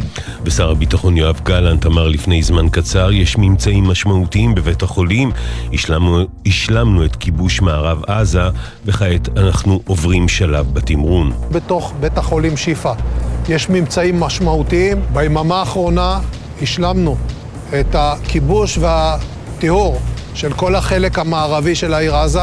השלב הבא החל. התחלנו בשלב הבא, הכוחות פועלים באופן מדויק, באופן נחוש, בצורה החלטית, בתיאום מאוד גבוה. מפקד חיל האוויר האלוף תומר בר אומר, חיל האוויר פועל בכל רחבי המזרח התיכון. אנו פועלים בשיתוף פעולה הדוק עם חילות היבשה. האלוף בר הוסיף כי אחוזי גיוס המילואים גבוהים מאוד ועומדים על יותר מ-100 אחוז. מרגע שנכנס התמרון, החיל עוטף אותו במטריה אווירית עוצמתית במיוחד.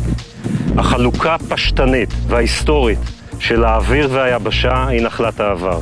מעולם הקשר בין טייס למפקד טנק לא היה ישיר והדוק כל כך. מרגע פתיחת המלחמה, מעל 100% התייצבו בשדה ובמטה, ביחידות, בכל המקומות. בשעה זו נערכת בבית העלמין המוסלמי ביפו הלווייתו של אדם ברמה בומה, זיכרונו לברכה, מבקש מקלט מסודאן שנרצח על ידי מחבלי חמאס ב-7 באוקטובר. למרות בקשות חברי הקהילה שהגיעו להלווייתו, אנשי הוואקף בבית הקברות המוסלמי טאסו מונעים מעיתונאים להיכנס. ידיעה שהעביר כתבנו שי ישראל. לאחר ההתקפות של מזכ"ל האו"ם אנטוניו גוטיירש נגד ישראל, שגריר האו"ם, שגריר ישראל באו"ם, גלעד ארדן יקרין לשגרירים ביום שני במטה האו"ם בניו יורק את סרט הזוועות של דובר צה"ל על מעשי הטבח של חמאס ב-7 באוקטובר. שגריר ארדן מסר, הגיע הזמן שהאו"ם המעוות שעושה השוואות לא מוסריות בין ישראל לחמאס, יראה במו עיניו לאיזה רוצחים ברברים הוא דואג ואולי יבין כמה הוא בוגד בייעודו המקורי. כך שגריר ארדן, מדבריו הביא כתבנו המדיני יניר קוזין. שר האוצר בצלאל סמוטריץ' חתם היום על הצווים להמשך סבסוד מחיר הדלק שלא יעלה ויישאר 6 שקלים ו-94 אגורות לליטר בנזין בשירות עצמי. היום היה אמור לפוג הצו להמשך הסבסוד, וברגע האחרון העביר שר האוצר בקשה לשינוי המקור התקציבי של מחירי הדלק מדחיית תשלומים של הממשלה השנה ומימון המהלך מהכספים הקואליציוניים של השנה הבאה. ידיעה שהעביר כתבנו שי ישראל. מזג האוויר, הערב והלילה מעונן חלקית בצפון הארץ ובמישור החוף צפוי גשם מקומי ברובו קל, מחר ייתכן גשם קל בצפון ובמישור החוף. אלה החדשות.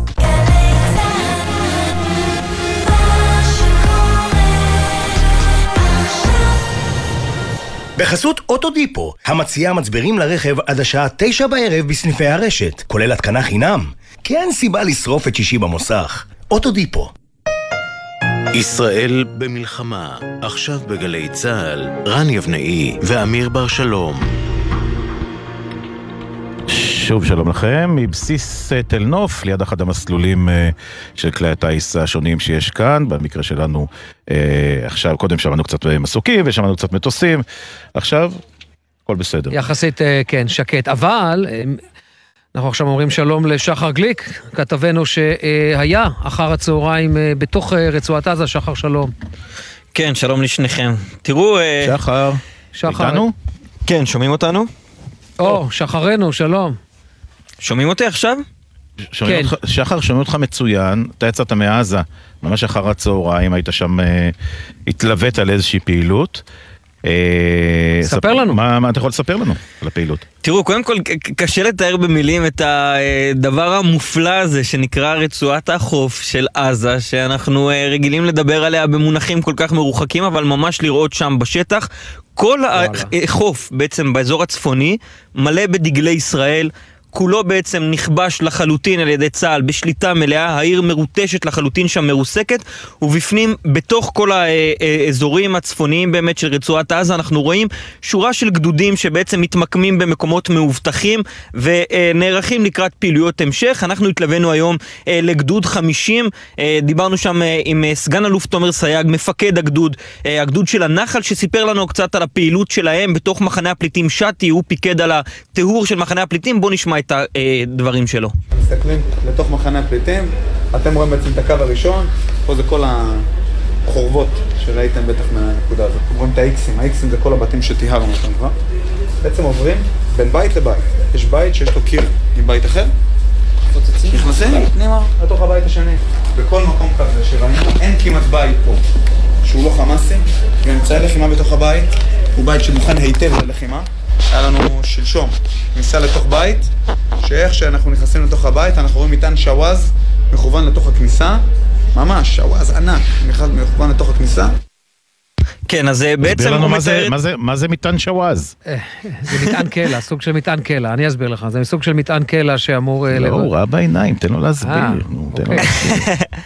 לא, אז הוא באמת, אה, הוא מתאר שם את, את ההשתלטות שלהם כשהם לא יכולים לנסוע בצירים המרכזיים של מחנה הפליטים, אלא מבית לבית, דרך הקירות, ממש עוברים, מפוצצים אה, אה, קיר ועוברים לבית הבא, כך אה, בית אחרי בית. בעצם התפקיד שלהם, של כל הצק"ג הזה, צוות הקרב הגדודי שתחת אה, אה, אה, סגן אלוף תומר סייג, אחראי בעצם לתאר את האזורים. זאת אומרת, נכנסים צוותים לפניהם, כובשים באיזושהי צורה, אה, אתה יודע, ראשונית כזאת, אה, מוודאים קודם כל שמחסלים את המוקדים המרכזיים של המחבלים, ואז הם נכנסים כדי לוודא שבאמת האזור טהור, נקי ממחבלים, וצריך לומר, גם עכשיו, אנחנו שבועיים פלוס אחרי הכניסה פנימה לתוך הרצועה, גם עכשיו עדיין אנחנו רואים כל הזמן, גם באזורים הצפוניים, מחבלים שצצים פתאום מכל מיני פירים מחוסלים, וכל התוכנית הזאת בעצם שיתוף הפעולה הזה, צוות הקרב הגדודי, שהוא לא מורכב מגדוד אחד של חי"ר כמו שאנחנו רגילים, אלא מצוות שמתואם כבר הרבה זמן לפני כן, גם של חי"ר, גם של שריון, גם של הנדסה, שמסתובבים ביחד ומבצעים כל אחד את הפעילות שלו, בסיוע כן, גם של חיל האוויר. כן, אבל שחר, ספר לי רגע, אתה צועד, אתה צועד, אתה מגיע לשאטי? היום, הספקת להגיע עד שאטי? נכון, אנחנו הגענו עד שאטי. ספר לי על שאטי, ספר, לי, על, ספר לי על שאטי, איך זה, איך זה נראה. אני בפעם האחרונה הייתי בשאטי לפני 25 שנה. אני לא הייתי בכלל. ספר לי איך זה נראה שם. אז אנחנו היינו באמת בפאתי שעתי, ממש בכניסה, ואתה רואה פשוט את כל הבניינים, כמעט אין בניין אחד שלא הרוס. הרוב אגב מחוקים לגמרי, ממש היית שבורים. היית בפאתים הצפוניים, נכון? נכנסת מצפון, נכון. היית בפאתים הצפוניים, סמוך למרובע הביטחוני של חמאס שנהרס. הצפוניים והמערביים, נכון?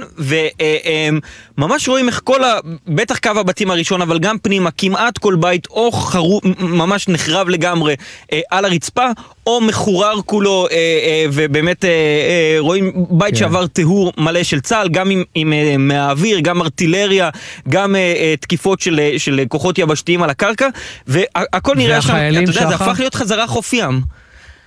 תראה, החיילים... אתה יודע, שמענו קודם את הסמג"ד. שמענו קודם את הסמג"ד, שנייה רגע, שמענו קודם את הסמג"ד שאומר, נדמה לי זה היה סמג"ד שאמר, מגד. כל בית, המג"ד, כל בית אה, בעצם היה בית שהיה בו משהו, או ממולכד, או שהוסלקו בו אה, מטעני חבלה וחומר אחר. בעצם כמעט כל בית שהוא, שהם עברו, גדוד 50, היה בית כזה. נכון מאוד, אז אה, הם ממש מספרים איך ממש כל הבתים שם בתים חמאסים לגמרי, אבל אנחנו מדברים איתם, עם אותם אה, אה, כוחות כשהם אה, אה, יושבים, אתה יודע, באזור שהוא קצת מאובטח, יש סביבם אנשים שמאבטחים אותם, אנחנו רואים אותם משחקים אגב, החיילים משחקים פוקר עם שקדים, כי אין אה, כסף וז'יטונים, משחקים שם פוקר קצת עם שקדים, מנסים לאכול, מוסרים דש בבית, מי שמצליח. בוא, בוא נשמע קצת מהקולות שהבאנו משם, מהאווירה של החיילים. בבקשה. אלכס, אני אוהב אותך מאוד, ואני מקווה שאת והילדים בטוב. ושדנדן הולך לג'ודו והוא חזק בג'ודו, ושהוא גבר, ושומרים עליכם פה, והאווירה פה היא טובה, ונהנים מהחוף ים. סלמתק. לכל עם ישראל שאנחנו אוהבים אותו, באמת, את כל העם. וואלה, אין עליכם עם ישראל, אתם הכי טובים שיש. רואים שאנחנו העם הנבחר, מרגישים את זה באווירה, מרגישים את זה בהכל. תודה רבה לכם, אתם מחזקים אותנו ממש. שכל יום, כל 24 שעות יוצא בשערת תספוק. בשערה הזאת קיים כמובן דברים שאני לא יכול לפרט אותם פה, אבל בין היתר זה אוכל, מזון, דואגים להם להמבורגרים, לשניצל חם מהבית, אה, עם טעם של בית, עם חטיפים, סוכריות גומי, עם סיגריות, עם אה, פירות, עם חטיפי חלבון, לתת להם את ההרגשה הכי טובה כדי שבאמת, שבאמת באמת יבצעו את המשימה שלהם מהצד הטוב ביותר. כן, אז זה... אם אנחנו רגע את ה... שרי, אנחנו נתקים רגע את המשימה. שבעצם אליה הוכוונו, אה, הוכוון גדוד 50 ועוד כמובן גדודים אחרים שנמצאים שם וחיילים אחרים, זה נשמע, אתה יודע, כיף. כן. כן, אז קודם כל צריך להגיד ככה, הם, הם, הם בסוף, יש את החיוך הזה, אבל יש גם שחיקה קצת בשטח, ועל זה המפקדים עובדים מאוד מאוד קשה כדי שלחיילים תהיה תחושה שהם ממשיכים לבצע, שהם מתקדמים, שכל יום יש להם משימה חדשה, בתקווה באמת להצליח אה, להשמיד את אה, חמאס ולהחזיר את החטופים הביתה, כולם. שחר, זה, תודה. זה חשוב. ביום הימים נספר את הסיפור על הארנק ששכחת בשעתי, אבל זה אנחנו... אמרת, לא אמרת כלום, לא אמרת שום דבר. שרפת אותי לגמרי. שרף לגמרי, שרף. בקיצור, לא, לא שומעים אותנו. נגיד שזה לא נשאר בעזה. לא נשאר בעזה, לא צריך לבטל כרטיסי אשראי. שחר, תודה. שחר, להתראות, נשמה. תודה. דורון קדוש, כתב לענייני הצבא, מצטרף אלינו. אה, מותר אה, לפרסום על חייל צה"ל שנפל היום. בנימה אחרת לגמרי. כן, נפל היום במחסום המנהרות. דורון. נכון, שוב שלום לכם. אה, בדקות האחרונות הותרה לפרסום הידיעה הזו. לוחם צה"ל, רב טוראי אברהם בן 20 מחיפה, נפל היום... תחזור רגע על השם, דורון, דורון, תחזור על השם. דורון, נקטעת, תחזור על השם בבקשה. כן, השם הוא רב טוראי אברהם פטנה, בן 20 מחיפה, שנפל היום בפיגוע במחסום המנהרות בירושלים. אברהם פטנה, זיכרונו לברכה, לוחם בגדוד ארז בחיל המשטרה הצבאית, הוא עמד שם במחסום, במחסום המנהרות, ובגבורתו וגבורת חבריו הצילו חיי אדם רבים. אנחנו מדברים על פיגוע ענק, על טבח של חמאס שסוכל בלב הבירה, בלב ירושלים, על פי הערכות של מערכת הביטחון. כשנזכיר, מדובר על שלושה מחבלים, אנשי חמאס מובהקים ממשפחות חמאסיות מובהקות. אחד מהם בנו של עבדאללה קוואסמי, שהיה ראש הזרוע הצבאית של חמאס בימי האינתיפאדה השנייה, וחתום על לא מעט פיגועים שבהם נרצחו עשרות ישראלים בימי האינתיפאדה השנייה. המחבלים האחרים גם הם בניהם של רבי מרצחים, והם יוצאים באמצע המלחמה מחברון לבצע את הטבח הזה, חמושים היטב במדי צה"ל, בשני גרזנים, אולי בהשראת הזוועות שראינו בעוטף, בנשקים, בתחמושת רבה מאוד, היו עליהם עשר מחסניות ועוד מאות כדורים וגם תמרים שהעידו על כך שהם מתכוונים לשהות בשטח, ולפי הערכות הם תכננו להגיע לאזור הומה אדם בלב בירת ישראל ולהוציא שם לפועל זוועות שהיו עלולות להחזיר את הציבור הישראלי 41 ימים אחורה. קשה לדמיין מה היה קורה כאן אם הם היו מצליחים בתוכניות שלהם, ורב טוראי אברהם פטנה, זיכרונו לברכה, עם יתר הלוחמים של צה"ל ושל משמר הגבול במחסום, עצרו כאן בגופם טבח גדול מאוד בזכות הערנות שלהם, והדבר הזה מעיד לא מעט גם על התוכניות של חמאס ביהודה ושומרון לבצע פיגועים בהיקפים כאלה בתוך ערי ישראל, וגם על החשיבות כמובן של הערנות והדריכות בכל אחד מהמחסומים כן. ביהודה ושומרון. תודה, תודה דורון. דורון, תודה, תודה רבה לך דורון. ונמצא איתנו כאן uh, בעמדה מפקד uh, צוות. כשאתה אומר עמדה, תחזור איפה אנחנו נמצאים. על המסלולים, בתל נוף. אה, זה קשה לך להוציא את זה. לא, נגיד, כן, אנחנו אורחים של טייסת דורסי הלילה, טייסת 118, אבל איתנו עכשיו נמצא בעמדה סגן א', מפקד ביחידת החילוץ 669, שלום. אהלן, ערב טוב. אני מבין שכבר הספקת, אה, הפסקת לספור גיחות חילוץ, נכון? או שעדיין כן? אה, באחד מהימים האחרונים כבר אה, הפסקנו לספור, כן. גיחות חילוץ זה אומר, אתם פשוט טסים במסוק לכיוון עזה, מוציאים בעצם חיילים פצועים שלנו, מביאים אותם לכאן לשטח ישראל וחוזרים בטח שוב פנימה. נכון. אתה עולה למסוק, מבצע בדיוק את מה שאמרת, חוזר, נוחת בבית חולים, עולה שוב למסוק וחוזר חלילה. אתה גם, אתה גם איש רפואה בהכשרתך? נכון, אני חובש. אתה חובש בהכשרתך? פשוט בתפקידי בצוות, אני לא מתפקד כחובש, אני מתפקד כמפקד. יש משהו ככה, אתה יודע, אחת הגיחות שזכורה לך יותר? אה, כן, אה, מהשבעה באוקטובר, אה, נראה לי כבר כולנו... היית בבסיס בעצם? מאוד על התאריך הזה, לא הייתי בבסיס. לא היית, הוקפצת. הייתי בבית, הייתי צוות שהוא כל הזמן כונן מהבית, ואתה מבין שאם הצוות הזה הוקפץ ברגע שהתקשרו אליי, אז אתה מבין שקרה פה משהו גדול ומשהו לא רגיל. אה, כי בשגרה היחידה ערוכה למלחמה. כאילו, בשונה מיחידות אחרות, אתה יודע לנהל מלחמה גם עם הצוות אה, כוננים שיש לך ב, ביחידה באופן סדור, אה, ואתה מבין שמשהו חריג קרה. הגענו ליחידה, ארגנו מהר ציוד, עלינו על המצוקים. עלית על מה, על יסור או על ינשוף? הייתי אמור לעלות על יסור, ברגע האחרון הגיעו ינשופים, עלינו על, עלינו על ינשופים. אני, אני לא סתם שואל, כי ברגע שאתם מבינים שזה ארן, אז אתם עולים על... אז אתם מזניקים גם את ה... נכון, אבל היה, היה אירוע מיידי. רק סליחה שאני קוטע אותך, אנחנו מדברים בקודים. ארן אירוע רב נפגעים, ואז ממריאים במסוק יותר גדול, שזה היסעור. נכון. בדרך כלל אתם על ינשופים. נכון. זה, זה מאוד משתנה, אתה יכול להמריא גם על, על יסור, אבל אה, זה מאוד משתנה ואתה ממריא, אוקיי, 7 באוקטובר אתה ממריא על ינשוף. על ינשוף. ו? נכון. אה, ממריא על ינשוף, לא כל כך עדיין מבין את הסיטואציה, מבין שיש אירוע גדול, אה, אבל עולה לאוויר כמה שיותר מהר. נכנסים רגע למין המתנה כזאת באוויר ומקבלים דיווחים בקשר. Mm-hmm. באותו זמן אתה שומע את הצוות הראשון שהיה ביחידה ונמצא על הקרקע. אתה מבין ואתה שומע שהוא הותקל על הקרקע, והוא נחת, הוא נחת, הוא נחת להביא פצועים, נכון, נחת, נחת להביא פצועים, הותקל על הקרקע תוך כדי שהוא היה עם האלונקות uh, באוויר, uh, ניהל, את ה, ניהל את האירוע ואתה שומע אותו על אותו תדר, של תדר חיל אווירי, שהוא מכווין את המסוק קרב כדי שיסייע לו תוך כדי בהתקלה הזאת, ושם אתה מבין את הסיטואציה. כלומר, הוא תוך כדי פינוי הוא גם מנהל אש? נכון, הוא תוך כדי פינוי, עוזב את האלונקות, מנהל אש, מנהל את הלחימה מול אה, חוליית מחבלים שנמצאת ממש קרוב. ממש 40 מטר ממנו. וואו. אה, ואתה שומע את כל זה בקשר, אתה שומע את הקול שלו, אתה מבין את שהקול שלו, אז אתה יודע לזהות את הבן אדם, אה, ואתה מבין שאנחנו באירוע אחר. אתה כבר לא בחילוץ סטנדרטי שאתה... ואתה באוויר, אתה שומע את זה באוויר? אני שומע את זה במסוק, אצלכם. במסוק אתה, כולם פתאום אה, נדרכים, מבינים שאנחנו עוד פעם באירוע קצת יותר דרמטי, ומקבלים משימה. מקבלים משימה.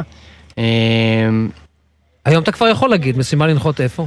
אה, בזיקים, אה, המשימה הראשונה, אה, ושם אתה עוד יותר מבין את הסיטואציה, כשאתה מייצר מצב שאני רגיל לדבר עם אנשים בקשר, בקשר צה"לי, במכשיר שהוא צה"לי, ואני מדבר עם מישהי בטלפון, שאומרת לי, אין לי פה שום אמצעי, אין לי פה איך לדבר איתך, אין לי אנשים, אני היחידה שנשארת פה, שאני פה, שנמצאת פה ויכולה לתפקד ולדבר איתך, ואני רוצה רגע לראות איפה אתה נוחת ומה אנחנו עושים, איך אנחנו מתקדמים פה. אז אתה היית בטלפון והיא מכווינה אותך לנקודת נכון, הנחיתה? נכון, אני, אני בטלפון, בתוך, ה, בתוך הקסדה, בתוך האוזן, היא מכווינה אותי, היא לא מצליחה להגיד לי איפה, היא מאוד לחוצה. אמ, אז אני אומר לה לפתוח גוגל מפס בטלפון שלה, בטלפון אחר, ואני פותח גוגל מפס בטלפון אחר שלי, ומתחיל להכווין אותה, את מזהה את זה, את מזהה את הדבר הזה, את מזהה את הדבר הזה, יופי, אני אגיע לנחיתה בנקודה הזאתי והזאתי, את יכולה להביא לשם את הפצועים. אתה תוך כדי זה מנהל גם שיח עם הטייס, מכווין נכון, את הטייס. נכון, אותו הדבר. נכון. והכל תוך כדי בעצם תופת שאתם מבינים שיש... תפגשו על הקרקע. אתה כבר רואה, אתה רואה על הקרקע, אתה כבר מתחיל לראות אה, לחימה על הקרקע מהמרחק שאתה נמצא? לא בדיוק, לא, כי אתה נמצא באזור שהוא יחסית מוגן למסוקים, עד שאתה נכנס לבצע את המשימה. אתה נשאר באזור שהוא מוגן, עד שאתה מבין את התמונת מצב ומבין מה המשימה שלך, ואז אתה מגיע מהר לנחיתה ומבצע. אז אוקיי. בואו נתקדם באמת לנחיתה, נחתתם? רגע, קודם כל הכנס, אתה אומר לו כנס. אה, נכון, אני אומר לו, כנס ברגע שאנחנו מבינים איפה אני הולך לנחות ואיפה היא, לאן היא מגיעה עם הפצועים, או אני מגיע אליה ישירות. אה, ומביאים אליי את הפצועים ברכבים אה, אזרחים. פרטיים, רכבים אזרחיים. לוקחים אותם כמה שיותר מהר, מבינים שאנחנו כל שנייה יכולים להיות מותקלים מכל כיוון שהוא. עושים את זה כמה שיותר מהר, מעלים את הפצועים למסוק ועפים משם. אתם כבר נוחתים עם כדור בקנה להיתקלות. נכון. אה, מבינים שזאת הסיטואציה, מבינים שאנחנו לא יודעים איפה ההיתקלות תגיע, והיא יכולה להגיע ויכולה לא להגיע. אז המטרה היא לעשות את זה כמה שיותר מהר, לקחת את הפצועים ולעוף משם. כדי באמת שכוחותינו לא ייפגעו ושהפצועים יגיעו לבית חולים כמה שיותר מהר. כמה פצועים אתה מקבל? שם קיבלתי שלושה. טסנו כמה שיותר מהר לבית חולים, ושם זהו, משם כולם, גם הטייסים, גם אנחנו ככוח בבטן בתוך המסוק, הבנו שאנחנו, הבנו את הסיטואציות שאנחנו הולכים לפגוש. את האירועים הבאים ולאן אנחנו, אנחנו ניגשים. אתם מבינים שאתם באירוע גדול, שובר שוויון, אחר לגמרי. חד משמעית. כולכם חד משמעית. אחרי האירוע הזה, אחרי האירוע הזה, זה נחתם. כמה סבבים עשית אחר כך באותו יום? פינינו 22 פצועים. בכמה גיחות? בשש גיחות. כאשר כל גיחה כזאת היא גיחה של... תחת אש. נכון. אתה נוחת תחת אש. נכון, אתה נוחת או תחת אש, או שאתה לא תחת אש ואתה מבין שכל שנייה האש הזאת יכולה להגיע מכל כיוון.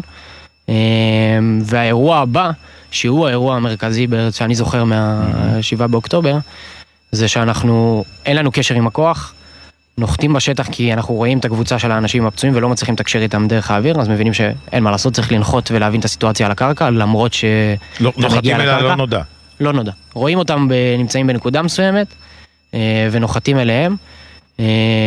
פורקים. זה קורה איפה? באיזה אזור? אני לא זוכר להגיד, okay. כבר התבלבלו לי קצת כל האזורים, אבל uh, נוחתים על הקרקע, מנסים להבין את התמונת מצב על הקרקע, uh, פורקים מהמסוק, uh, אני רואה אלונקה שרצה אליי, uh, יש עוד, עוד פצועים שהבנו שיש שם, אבל אלונקה אחת עם פצוע כנראה מאוד קשה uh, שרצה אלינו, לכיוון המסוק.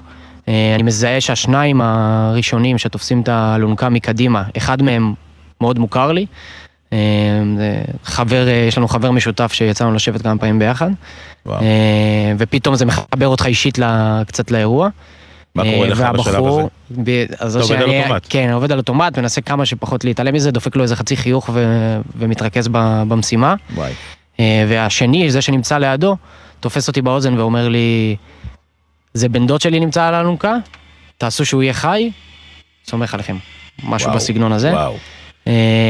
ואנחנו מעלים אותו למסוק ומנסים להבין עוד פצועים שיש על הקרקע, מבינים שיש עוד פצועים ומנסים להבין מה המצב שלהם וכמה. ותוך כדי, אנחנו ממש, זה עשרה מטרים מהמסוק, הרופא ניגש אליי ואומר לי שהפצוע שהעלינו על אלונקה הוא הרוג. ואנחנו נמצאים פה עם המון פצועים, והעדיפות שלו זה שנוריד אותו מהמסוק כדי שנוכל לקחת פצועים ולהגיע איתם לבית חולים.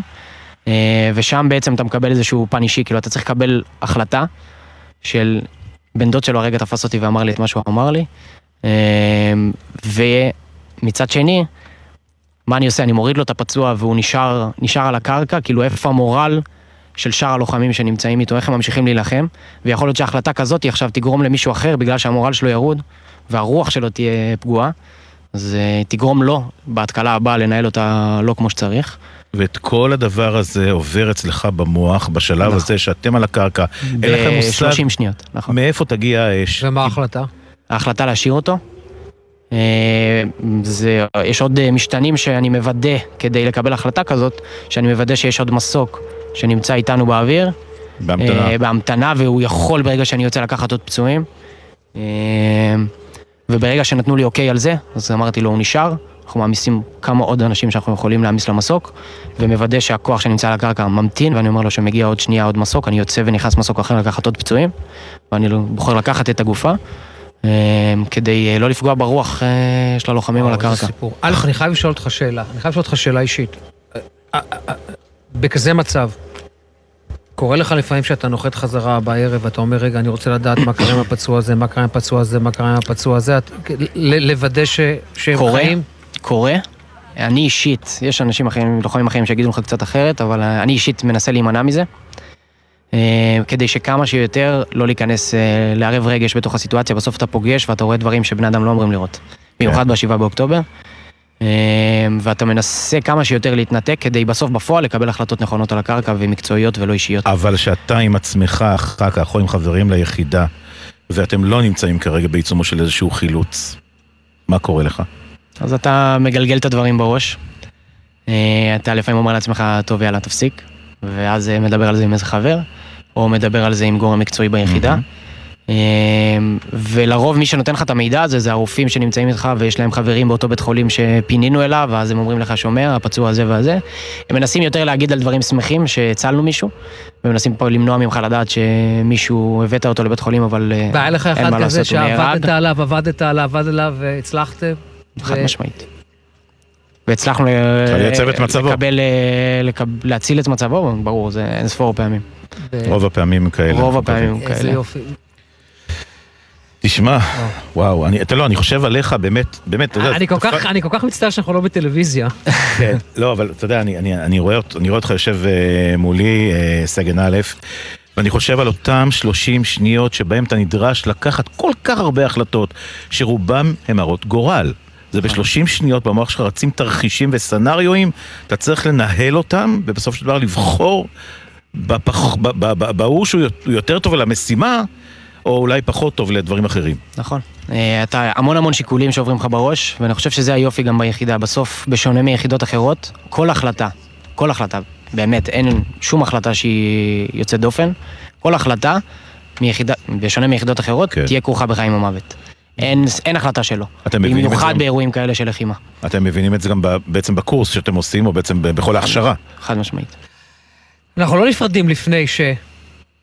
אתה עוד פעם מציק לו? לא מציק לו. אז מה אתה לא רוצה? מציק לו, המאזינים שלנו כל כך נהנים לשמוע את זה, אבל רוצים לדעת גם מי, מי יושב מולם, בין כמה, מאיפה, עד כמה שאפשר. במסגרת באם, מה שאתה יכול להגיד.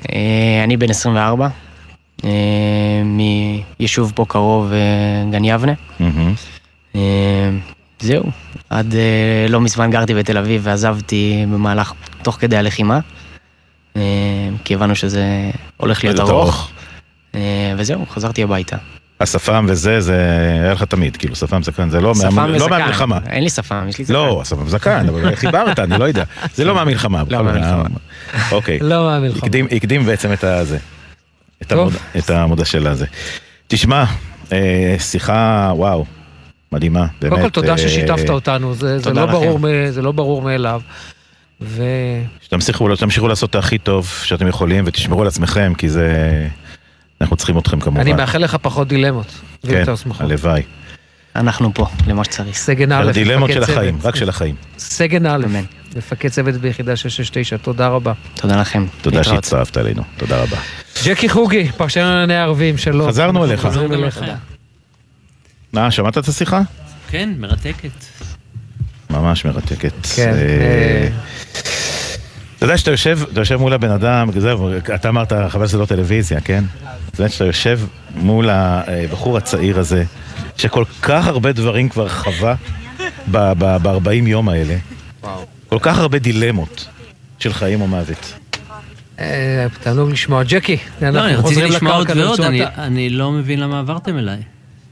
ג'קי, אנחנו הבטחנו לך. יש לנו, כבר מחכה לנו כאן אוטוטו סרן נון, טייס יסעור, עם עוד סיפור. הוא רוצה לדבר מהר. לא, באמת עם סיפור, אבל בואו נחזור לקרקע, אנחנו חוזרים לתמונה של הפרלמנט, הפרלמנט של חמאס ברצועת עזה, שפוצץ על ידי ישראל, אבל לא לפני שחיילי גולני מצטלמים בו. מצטלמים בו, ותמונה הזאת יוצאת כמובן מפורסמת על ידי צה"ל. כן, ובצה"ל אומרים שזה מטה, הוא שימש מטה או מתקן של הזרוע הצבאית של חמאס, אבל זה לא מנותק מהקשרו, יש לו הקשר פוליטי לסיפור הזה, יש פה משמעויות שקצת נשטפות בזרם החדשות היום, אבל אני, אני מציע להתעכב עליהן כבר עכשיו, כי ייתכן שהיום שאחרי עזה יבוא לנו הרבה יותר מהר ממה שאנחנו חושבים. אז כמו שאתם יודעים, אין בעזה, מדברים על פרלמנט אנחנו כאן, אבל אין משחק פוליטי שם או חיים דמוקרטיים. הפרלמנט הזה הוא במקור לא בית המחוקקים של חמאס, זה שלוחה של הפרלמנט ברמאללה, של הרשות.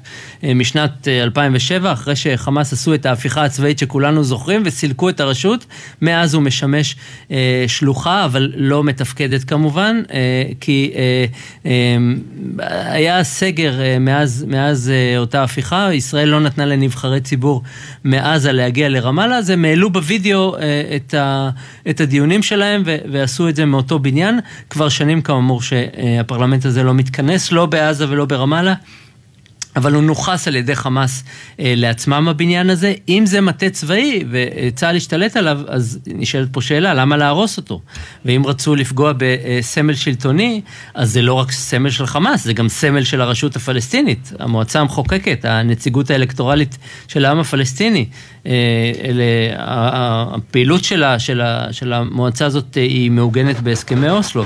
אז סמל של חמאס זה בנייני ממשלה, זה מתקן צבאי, הפרלמנט הפלסטיני... הם התחילו שם, אני אומר שיגיעו גם לבא, אתה יודע, בסוף, אין מה לעשות. אני לא בטוח שהיה צריך להתחיל שם בכלל, זאת שאלה, אם אתה לוקח סמל, סמל, סמל ש... תראה, אני אגיד לך איך הפלסטינים רואים את זה, מהצד שלהם. אה, אה, את השריד האחרון לדמוקרטיה שפעם ניסו לעשות, אז, אז אתם משמידים אה, עכשיו, הייתה בעזה איזו עמדה. ג'קי, מה בחייך? בסדר, מבחינתנו זה בניין שבו, אתה יודע, היה, היה לו, הוא היה סמלי, נכון? אבל אתה יודע, זו אמירה, אין מה לעשות. בסוף זו אמירה, צה"ל הגיע לשם, צה"ל הרס, וזה בסדר גמור. אז רן, אם אתה רוצה להרוס אה, שרידים של סמלי דמוקרטיה שם, יש לזה משמעויות, זה מה שאני אומר. זה נופל אצלם, אגב, על קרקע רגישה, אני מזכיר לא, לכם שבשנים... לא ניכנס לזה עכשיו, לא, לא ניכנס לא לוויכוח הזה. היו תגובות, היו תגובות על העניין הזה? התגובות ברשת, ראית? תגובות אני רק אספתי מאנשים שאני מדבר איתם, אנשים שהם אנשים רציניים מאוד אה, ברשות ומחוצה לה. אני מזכיר לכם גם שבשנים האחרונות ישראל התנגדה לבחירות ברשות, ביחד עם אבו מאזן אמנם, סיכמה סיכומים שהבחירות האלה לא יתקיימו, גם לפרלמנט וגם לנשיאות, מתוך איזה אינטרס משותף לבלום את חמאס, זה נכון. והפלסטינים, הציבור, אוקיי, העמך, רואים ואוכלים את הלב, אומרים ישראל כמדינה דמוקרטית לא רוצה דמוקרטיה אצלנו. ועכשיו בא הפיצוץ הזה שהוא סמלי לחלוטין, הכל פה סמלי. אבל עדיין הסמליות הזאת, אה, יש בה מרכיב כן, פוליטי. כן, טוב, זה חלק מהלחימה, גם הסמליות, יש לנו גם, אה, אתה יודע, אין מה לעשות, זה חלק מהמלחמה, ובטח לא ננהל את הדילמה הזאת בזמן מלחמה. אני חושב שזה באמת היום שאחרי שאמרת שהוא לשיטתך קרוב יותר ממה שאנחנו חושבים. אני חושב שנשאיר את הדבר הזה ככה אה, לאחרי המלחמה, לשאול אם אוקיי, היה אני, צריך, לא היה צריך. אני מרותק מהדברים שאמרת. ג'קי חוגי, אה, פרשנו לעניינים ערבים, אה, תודה, תודה רבה לך, ושיהיה ערב טוב ושקט. אנחנו יוצאים להפסקה אה, קצרצרה, אל תלכו. אל תלכו, כי אתם הולכים מיד לשמוע את אחד הסיפורים באמת המרתקים של המלחמה הזו. כבר נמצא איתנו סרן נון, טייס בטייסת דורסי הלילה. שתי דקות חוזרים. אתם מאזינים לגלי צה"ל. תושבי גבול הצפון, אם פוניתם מבתיכם, שימו לב, כדי לסייע לכם להתמודד עם המצב, מוצעת גם לכם שורת הקלות, ובהן אפשרות לדחיית הלוואות ומשכנתאות, פטור מעמלות והקלה בריבית על משיכת יתר. לרשימת היישובים ולמידע על ההקלות המיוחדות לאוכלוסיות שנפגעו, היכנסו לאתר בנק ישראל. עם ישראל, הביטוח הלאומי הוא מגן הזכויות שלכם, ואנחנו כאן בשבילכם, גם כדי להגן על הנפש. אם אתם חשים חרדה או מצוקה נפשית שמקשה עליכם בתפקוד היומיומי, הביטוח הלאומי מממן לכם טיפולים אישיים, זוגיים או משפחתיים, עם מטפלים מומחים ובלי בירוקרטיה. כל מה שצריך לעשות הוא לפנות אל מרכזי החוסן והמרפאות המטפלות ולקבל את הסיוע שאתם זקוקים לו. הביטוח הלאומי מחבק אתכם ועומד לצדכם גם ברגעים האלה. לפרטים נוספים ייכנסו לאתר הביטוח הלאומי. עמיתי קרנות השוטרים, אנו מציעים לכם הנחות לרכישת רכבי פג'ו, אופל, סיטרואן ו-MG דגמי 2023, לפרטים כוכבית 4989, או באתר קרנות השוטרים, שנדע ימים טובים ויחד ננצח. קרנות השוטרים קודם כל בשבילך ציפורי לילה מארחות את אנסמבל ציפורלה, שינסו להפוך את הלילה לקצת פחות עצוב וקצת יותר מצחיק. אבא שלי זה דני קושמרו. אז ציפורלה בציפורי לילה, או ציפורי לילה, אני לא יודעת. מה שבטוח, הלילה בחצות, גלי צהל. בימים כאלה אין דבר יותר מרגיע מקולה של אימא. גלי צה"ל מחבקת את האימהות במתכונת מיוחדת של קולה של אימא. כמו אהבה של אימא. בכל יום, מראשון עד חמישי, בשבע בערב, ובשישי בעשר בבוקר, עם ניידת השידור, מבסיסים ברחבי הארץ. רוצים למסור דשים בשידור? כתבו לנו בוואטסאפ 052-920-2323. גלי צה"ל פה איתכם. כל מקום, כל הזמן. עכשיו בגלי צה"ל, רן יבנאי ואמיר בר שלום. חזרנו, ואיתנו בעמדה סרן נון, טייס אה, יסעור בטייסת דורסי הלילה, טייסת 118, שלום. שלום. אנחנו, אה, אתה, שבעה באוקטובר בלילה, אתה למעשה באחד המסוקים, נכון? שמטיס כוח של צנחנים מאזור נבי מוסא לכיוון אה, העוטף, ספר לנו. כן, אז בשביעי באוקטובר בעצם רביעיית יסורים ועוד שני אנשופים הוזנקנו מהטייסת בשעות המוקדמות של הבוקר להטסת כוחות צנחנים של גדוד 890. מנבי מוסא ישירות על העוטף. בגדול כשהגענו למסוקים המשימה עדיין לא ברורה, אנחנו עדיין לא מבינים את גודל האירוע שהיה שם, אבל uh, נכנסים למסוקים, לוקחים את הציוד שאנחנו חושבים שנדרש ובעצם uh, יוצאים קדימה. Uh, בדרכנו לנבי מוסא אנחנו עדיין לא מבינים את גודל המשימה, גודל האירוע. אני מבחינתי כשיצאתי מהדירה בבוקר, התעוררתי מהאזעקות, לא הבנתי מה קורה, נסעתי הכי מהר שאני יכול לטייסת כשאני רואה את כל הטילים נופלים סביבי בכביש ואני ממשיך לנסוע. ואני מבין שיש כאן מערכה, אני מבין שיש משהו שונה. קראתי בוויינט על כמה מחבלים שחצו את הגדר, עוד לא הבנתי מה קרה. מגיע למבצעים של הטייסת, מנסה לבנות תמונה, ולא ברור, לא ברור בכלל. ובעצם ב... בידיעה הזאת אנחנו בעצם עולים למסוקים ותופסים כיוון אה, מזרח על נבי מוסא. אה, מעמיסים שם אה, פלוגות של צנחנים וטסים לעוטף. נכון מאוד. באותו שלב אנחנו עוד לא ידענו... לאן? לאן, כמה, איפה, מי נגד מי, מה בדיוק קורה. אנחנו מתקרבים לאזור נבי מוסא, המוביל מפקד הטייסת כבר היה על הקרקע. אנחנו התכוננו להעמיס כמות מסוימת של לוחמים שבדרך כלל אנחנו מעמיסים בעולם המבצעי ולא עוברים אותה. נשאר מגיעים... במעטפת, מה שנקרא. נשאר במעטפת של המסוק, אה, לא לעבור את המגבלות, ובעצם אה, המפקד טייסת מדווח על הקשר שאנחנו לוקחים כמות אה, הרבה יותר גדולה, אה, באותו רגע, לי יש גם את התמונה הזאת בראש, שלושת העשורים מוריקים דלק אה, מעל נבי מוסא. להוריד משקל. כן, כדי להוריד את המשקל, ובעצם מעמיסים את כל הלוחמים אה, בתא מטען, מחזה שלא רואים כל יום, תא מטען כל כך גדול, מלא בכל כך הרבה לוחמים, ובעצם שם הבנו שהאירוע הוא קצת יותר גדול ממה שחשבנו. מקם אותנו בשעות, מתי זה היה בערך?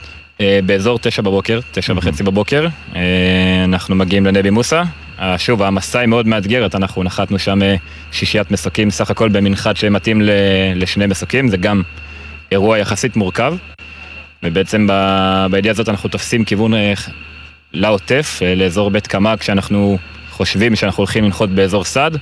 הציר מתוכנן, הצוות מתודרך, המכונאים טסים מאחורה, מבינים את המשימה, כולם ישרי קו. ובעצם אנחנו מגיעים לבית קמה, מחכים אה, לקבל אישור להיכנס, מבקשים איזושהי מעטפת אש אה, סביבנו, מדברים עם השולט, אה, מבינים שאין, תוך כדי שומעים על, ה, על הערוץ תקיפה שכל מי שרואה מישהו מתקרב לגבול להוריד. Mm-hmm. גם משטחנו, גם משטח עזה, שזה דיווח שהוא לא רגיל לשמוע. לא רגיל, לא רגיל לשמוע. ירי לתוך שטחנו. בדיוק כך, ובאותו רגע הבנו שאנחנו לבד, אבל החשיבות של המשימה היא היא מעל הכל, אנחנו כן. ניכנס גם בלי חיפוי. אה, אוקיי, ואז אתם נכנסים? אז משננו את המנחת לפני הכל, כי אומרים שהמנחת אה, מאוים. בראש שלי סד, זה אזור שאני מתאמן בו מאז שאני חניך בקורס טיס. שטחנו, טסים שם עם סייפנים, לא, לא באמת... אה, לא מאוים. לא מאוים. פתאום המש, המנחת עצמו מאוים מכוחות שנמצאים בקרקע, זה, זה הזוי מבחינתי. ואז אתה מתחיל בעצם להבין. מסוק, אתה מסוק שתיים, ויש לפניך מסוק אחד, והוא? אנחנו נכנסים כזוג. ביחד, כיחידה אחת, כן. שני מסוקים, אה, ובעצם שינו את המנחת תוך כדי מתכננים את הציר הכי מהר ומבינים שהאירוע הרבה יותר גדול ממה שהבנו. Mm-hmm. גם מתחילים לראות לכיוון מערב את כל פטריות העשן שנמצאים שם, שנמצאות באזורים. ושוב, אזור שאתה רגיל להתאמן בו, אתה טס בו כל הזמן, שטחנו, פטריות עשן ואתה ממש טס בין פטריות. אנחנו תופסים כיוון למנחת החדש, טסים כמה שיותר מהר, כמה שיותר נמוך, להגיע אה, בעצם ליישובים. אתם כבר מבינים שהם תהיו תחת אש? יש לנו הבנה כזאת. תדרכנו גם במסוק, אמרנו שאנחנו מוכנים לאיום מכל הכיוונים, אבל שוב, עמוק עמוק בלב, אני אומר לך בצורה הכי כנה שאני יכול, אני הייתי מורכז לכיוון מערב. אמרתי, אוקיי, יהיה משהו גדול ממערב, אולי 360, אבל שוב, אני מוכן ל-360, אבל האוריינטציה שלי כמה שיותר מערב, אז זה האזור הבאמת מסוכן. כלומר, אתה אומר, אם אני אחטוף, זה משהו שיבוא לי ממערב, ואז אתה רואה את מסוק מספר 1, מה קורה לו? אז אנחנו טסים הכי מהר שאנחנו יכולים, מסוק מספר 1 מדווח לנו שהוא רואה אופנועים במנחת שהיינו אמורים לנחות בו. אף אחד לא מטייל באופנועים בשבת בבוקר ביער שוקדה. זה לא, לא הכוונה שם. הנחנו שזה באמת אה, כוח אויב, עושים אה, פנייה לאחור, לנחות מאחורי שדרת עצים. אתם בגובה נמוך כרגע. הכל בגובה נמוך. אה, וגם שם, שיקולים, אתה רוצה לנחות בין אה, בארי להלומים, אתה, אתה מבין שהכוחות הם קריטיים שם, ומצד שני אתה רוצה להתרחק, להתרחק מהאויב. אז איזושהי דילמה. אוקיי, אז נכנסים לנחיתה. נכנסים לנחיתה ופתאום הקברניט שלי אה, אומר לי שהוא חושב שהמוביל השליך בידונים. בידונים זה המכלי דלק שנמצאים בצד. זה חלק מפעולות החירום שלנו כשאנחנו רוצים להוריד משקל מהמסוק, כשקורה משהו לאחד המנועים. אני לא ראיתי את זה, הייתי, הייתי מאוד מאוד עסוק בנחיתה, ובעצם אנחנו עוברים את השדרת עצים, חמיש, 150 מטר מהמנחת, אני רואה את הבידונים על הרצפה, ממש כאילו... של מספר אחת. של מספר אחד. אני אומר, אוקיי, קרה משהו, כמה שניות אחר כך הוא מדווח שהוא נפגע מאש אויב. פה עצור. עוצר. בואו נשמע את זה, איך זה נשמע בקשר. רונגו אחד נפגע, נוכח, וקבוצויים, דחופים שפינינו. נפגע, הוא נפגע. נפגע? דורי, הוא נפגע. מה אתה אומר, תביא או לא? הוא זוכר, תתחלתי איתו, תתחלתי איתו. עוצר. גמי עוצר. זנב נקי. יורד.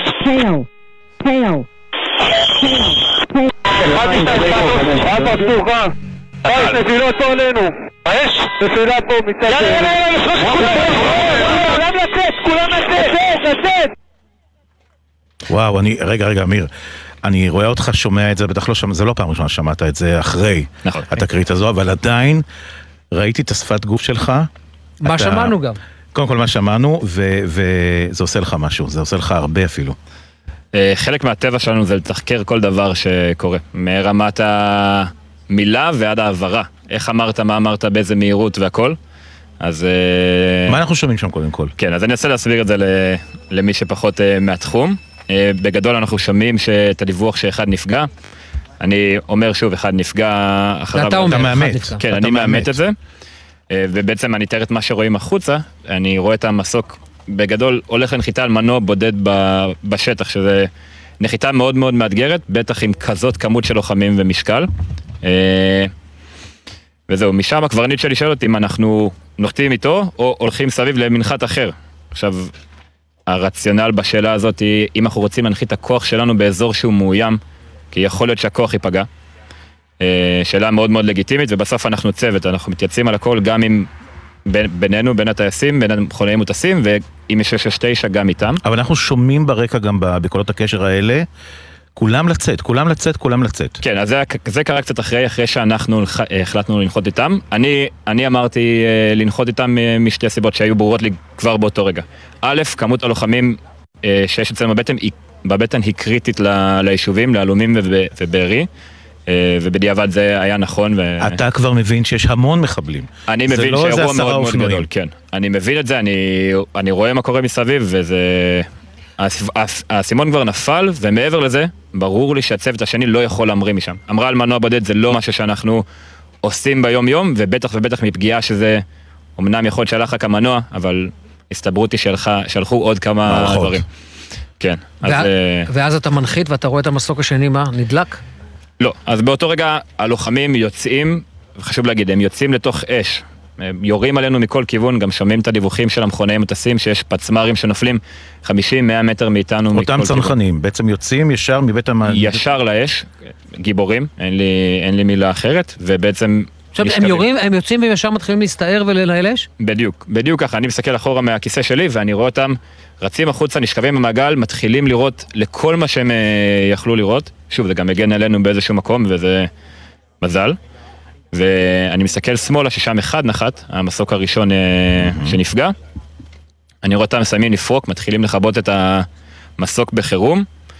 ובעצם הצוות אה, מתחיל לרוץ אלינו. אנחנו באותו שלב, כבר הרמפה של המסוק סגורה ואנחנו מוכנים להמראה. אתם פרקתם. אנחנו כבר סיימנו, הם סיימו לפרוק והצוות רק מכבה את המסוק לי היה ברור באותו רגע שהם באים אלינו. זאת אומרת, הצוות מחכה עד שאחרון הלוחמים בעצם יצא מהמסוק, לא עוזב את המסוק, למרות שהוא יודע שהמסוק פגוע, הוא חשוב לו שעד אחרון הלוחמים שיצא מבית המס- המסוק, ורק אז הוא בעצם יוצא מהמסוק. נכון, כאילו, זה בעצם מה שאנחנו אמורים לעשות, ואנחנו באותו זמן, הרמפה סגורה, אנחנו מוכנים להמראה, ונשארים על הקרקע. מטרה בגודל של אוטובוס, מחכה על הקרקע, אה, עד שהצוות השני יגיע. ברור לגמרי לכל הצוות במסוק שאנחנו לא ממריאים משם אה, בלעדיהם, ובעצם הם רצים אלינו, אה, ארבעת אנשי הצוות למסוק, כמו, ממש כמו מסרט.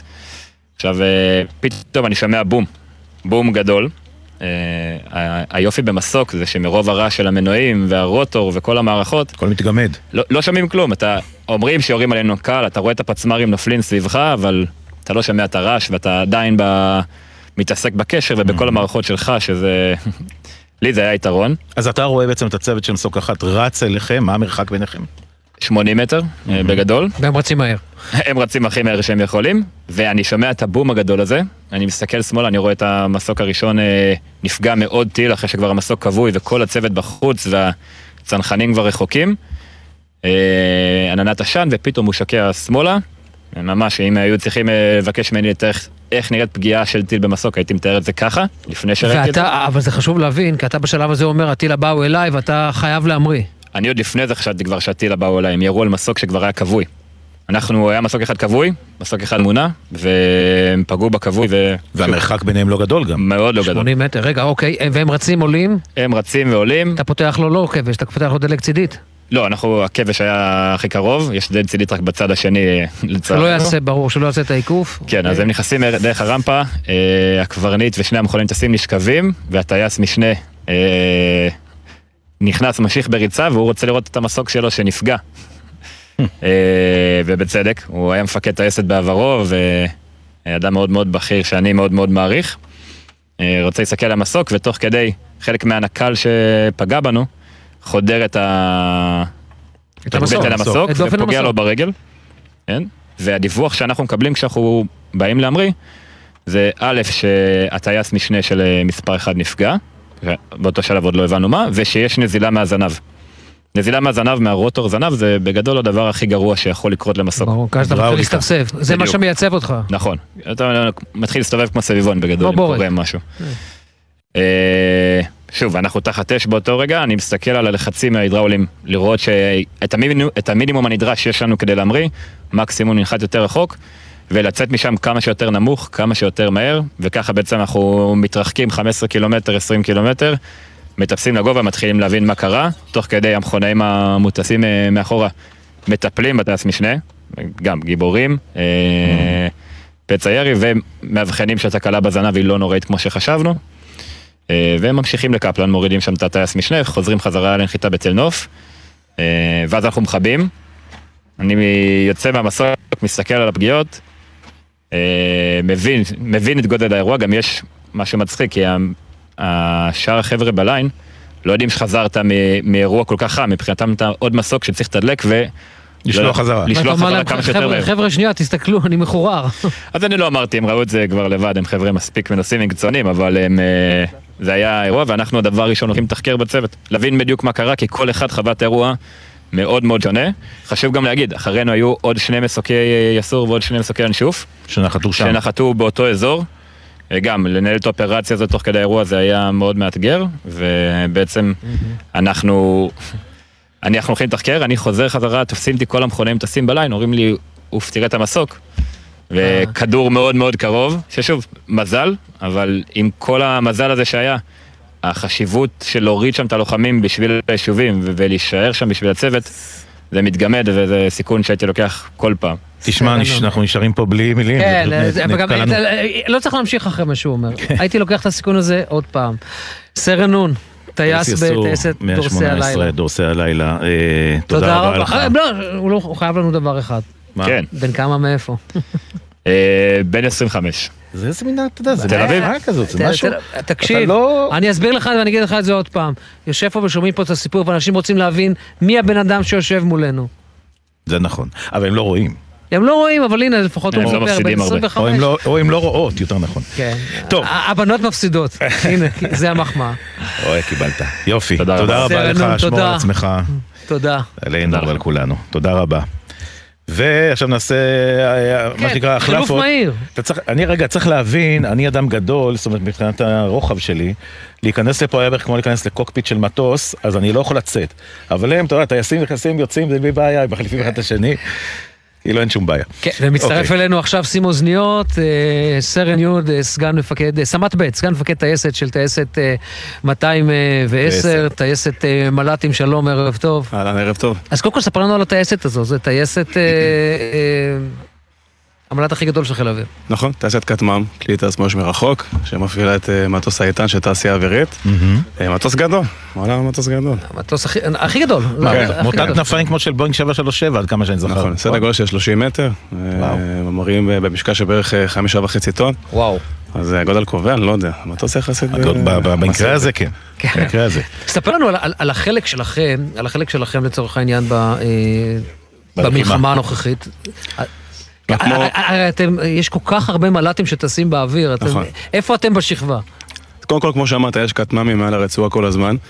אז אה, חשוב לי להגיד אה, לעם ישראל שגם אה, בשעה הקשה הזאת אנחנו היינו למעלה. בגדול את הטייסת זה תפס בשבת בבוקר, כמו את כולה, באיזושהי הפתעה מסוימת. אחת אנחנו הבנו את גודל האירוע, אנחנו המראנו אה, הכי חזק, הכי מהר את כל, כל מה שאפשר ורלוונטי בשביל לתת את התמונה ואת המענה הכי טוב שאפשר. אה, ובגדול יחסית אה, מהר כמו, כמו כל אה, צה"ל, נכנסנו למעגל הלחימה, ומהשבעה באוקטובר עד עכשיו, אנחנו אה, בא- באוויר בגדול 24-7. כן, זה, זה מטוס שגם נמצא הרבה מאוד זמן באוויר. נכון. זאת אומרת, אתם... אה, כן, הוא יכול להיות הרבה, לשהות הרבה זמן באוויר. הם מתחלפים, המטוס לא. נכון, אומרת, בגדול, מה שקורה, המטוס אה, ממריא באוויר, ואנחנו במשמרות של בערך ארבע שעות אה, עושים אה, ככה אה, חילוף חם, אה, חילוף חם בתא, אה, מן הסתם כמה מטוסים באוויר, אה, ו- ועושים מה שצריך. וכשאתם רואים את התמונות שמגיעות אליכם, אתם מבינים את גודל האירוע? אה, זה יישמע אולי נדוש וקיצ'י להגיד, אבל יש דברים ש... אה, אתה אולי רואה ואתה מבין אה, טכנית מה קורה, אבל אתה לא תופס. ההפנמה העמוקה לפעמים לוקחת את זמן, כשהאירוע הוא כזה משמעותי ודרמטי, אבל אנחנו מאומנים לשינוי מנטלי, ויחסית מהר מבינים שהאירוע הוא אחר ממה סוויץ'. שאנחנו נדרשנו אליו בהתחלה, ועושים את הסוויץ' ועובדים חזק ואגרסיבי ותכליתי, ונותנים את המענה, וההפנמה אולי באה אחרי זה. אתה, אני, אני חייב לשאול אותך על המשימה שלכם, זאת אומרת, לצורך העניין, כשאתה מסתכל על תא שטח אה, כמו רצועת עזה, השטח הצפוף ביותר בעולם, כן. ואתה צריך להבחין שם בין פרטים, פרטי פרטים, איך עושים את הדבר הזה? עד כמה זה מורכב? כי הרי בסופו של דבר, אתה גם גורם מכווין להרבה מאוד כוחות. נכון, כן. ספר לי קצת על המורכבות הזאת, שאתה יודע, להסתכל, אני יודע מה, בוא נלך, להסתכל על בית בשאטי, אתה מקבל איתור בשאטי, לך עכשיו תתחיל לחפש אותו ו... אני יכול לתת אה, דוגמה, דוגמה שאולי תצבע גם אה, מה נדרש מאיתנו. בסוף אנחנו עושים אה, כמה דברים בטייסת, מתעסקים המון בבניית תמונת המודיעין לכוחות הקרקע, אה, וגם בכלל לחיל האוויר באופן כללי. ומן הסתם כחלק מזה, גם במלחמה הכי אגרסיבית שאני דימנתי שאני אמצא את עצמי מש- משתתף בה, מתעסקים בהפרדת בלתי מעורבים וכוחות אויב. אירוע זה משהו שכל בתא. הזמן נמצא בעצם בראש. בוודאי. יש פקודות נורא מסודרות שמגדירות בגדול אה, מי- מופלל אה, ומי אה, בן מוות ואת מי אנחנו נמנעים מלפגוע ככל האפשר, גם במצבים קיצוניים כמו שאנחנו נמצאים בהם. במקרה שפגש אותי, שלדעתי עונה על מה שאתה אומר, בגדול לקראת מטס קרב משמעותי, שהמשמעות של, או מט- מטרתו הייתה בגדול לסייע לכוחות הקרקע לפני תמרון באחת השכונות בצפון הרצועה. אנחנו נדרשים לנקות איזשהו תא שטח ואכן לוודא שהאזרחים אה, פונו ושהם אה, לא, לא נמצאים שם כדי שהפגיעות באמת יהיו פגיעות אה, רלוונטיות. אנחנו מזהים איזשהו מבנה שנראה כמו, לא בדיוק מה שאנחנו מכירים מלכתחילה, סורקים, ובגדול מזהים שזה גן ילדים. גן ילדים שהוא גם מאויש. יש ילדים בפנים. אנחנו בגדול מבינים שנמצאים שם ילדים בפעילות סטנדרטית, תוך כדי שממש בסמוך לזה, בגדול 15-20 מטר, יש מחסן אמל"ח, הם אולי פעילים בפנים. והייתה דילמה גדולה, בגדול מוצאים דיווח אה, די נקי ומסודר תוך כמה שניות של מה אנחנו מזהים בדיוק ואמירתנו לחדל, כי זה לא עמד בפקודות. אה, והאירוע הזה נחדל, ובסוף גם זה השפיע על אה, כניסת הכוחות, כי הבינו ששם אי אפשר לספק אה, מענה מיטבי, אבל זו הייתה החלטה. וזה היה בשיא הקרבות, לא שאנחנו מאחוריהם, כן, אבל זה היה ממש בשיא הקרבות, מתוך הבנה שזה משפיע על יכולתנו לבצע. בשבעה באוקטובר אתה, אתה בעצם הטסת אה, כטמ"ם? אז קודם כל זה פגש נראה לי כמו את כל עם ישראל אותי במיטה. התעוררתי אה, באזעקות אה, בבית, אני והשותפים אה, מהטייסת קמים בבוקסרים לחדר מדרגות, ואחרי רבע שעה חוזרים חזרה. בגדול רואים בטלפון דיווחים ראשונים, ובלי יותר מדי לשאול שאלות. קצת אוכל, שני בוקסרים וגרביים, ונוסעים לטייסת, בכלל ש... לפני שמישהו מבין מה קורה. אתה כבר על סרבל בדרך. ברור. אה, תוך אה, שלושת רבעי שעה מגיע לטייסת, ולפני בכלל שהגיעה הפקודה הראשונה, כי זה לא עניין אף אחד, אנחנו מתחילים אה, להמריא מטוסים לאוויר ולקבל תמונה תוך כדי טיסה. לפני שהגיעה פקודה. כן. זאת אומרת, אתם... זה לא מעניין בכלל. אתם על דעת עצמכם, יש לכם את האפשרות להעלות בעצם את האיתן למעלה, אז בגדול, לספק תמונה. אז חיל האוויר בגדול הגיע, הבין כמובן ברגעים הראשונים שיש פה איזשהו אירוע דרמטי, ולפני שיש פקודה מאוד מאוד מסודרת, אנחנו בפעל אה, לוקחים כיוון, מאמרים את המטוסים, מתחילים אה, לתת מענה, ותוך כדי אה, מגבשים את התמונה בצורה יותר טובה. ומה שאתה רואה בעצם באזור העוטף, אתה אתה מבין את הכמויות? אתה יודע מה, בוא, מה אתה רואה? מה אתה רואה? דבר ראשון שאתה רואה כשאתה אה, מגיע לאזור. תראה, התמונות היו אה, מורכבות אה, לתאר אותן, כי אתה רואה פריים אחד וזה כחלק מתמונה רחבה, אבל בגדול אה, רואים שבאמת הגבול הוא נפרץ, ושיש כמה מוקדי לחימה מאוד מאוד מורכבים. נפרץ בכל, בכל מיני מקומות, רואים בכל בעצם. נכון, בכל מיני מקומות, ואנחנו מבינים שיש מוקדי לחימה בתוך שטחנו, ומשם שאלתם קודם על אולי סוויץ' מנטלי, אז בעצם מבינים שעכשיו המשימה הכי משמעותית וחשובה היא לסייע לכוחות הקרקע בפנים, לסגור את האירוע הזה מהר ככל האפשר.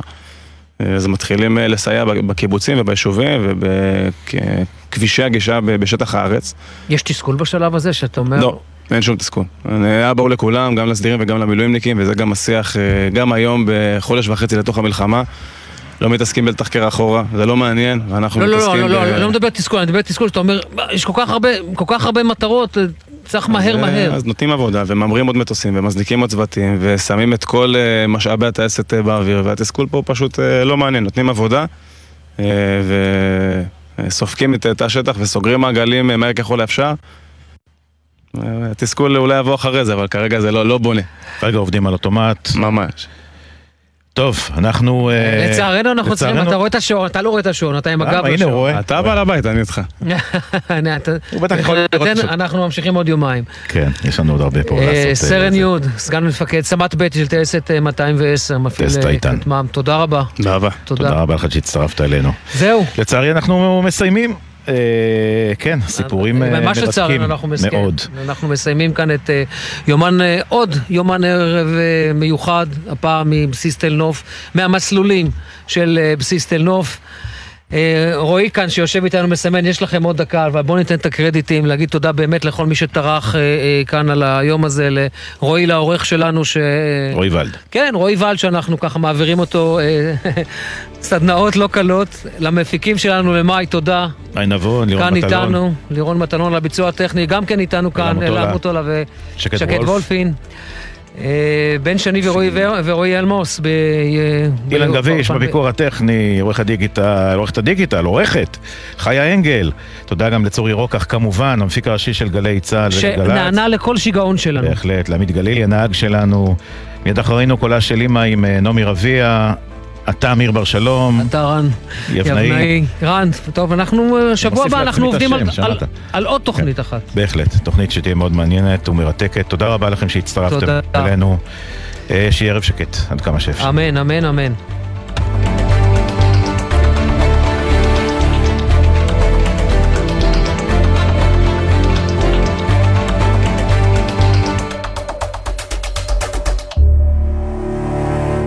בחסות אוטודיפו, המציעה מצברים לרכב עד השעה תשע בערב בסניפי הרשת, כולל התקנה חינם.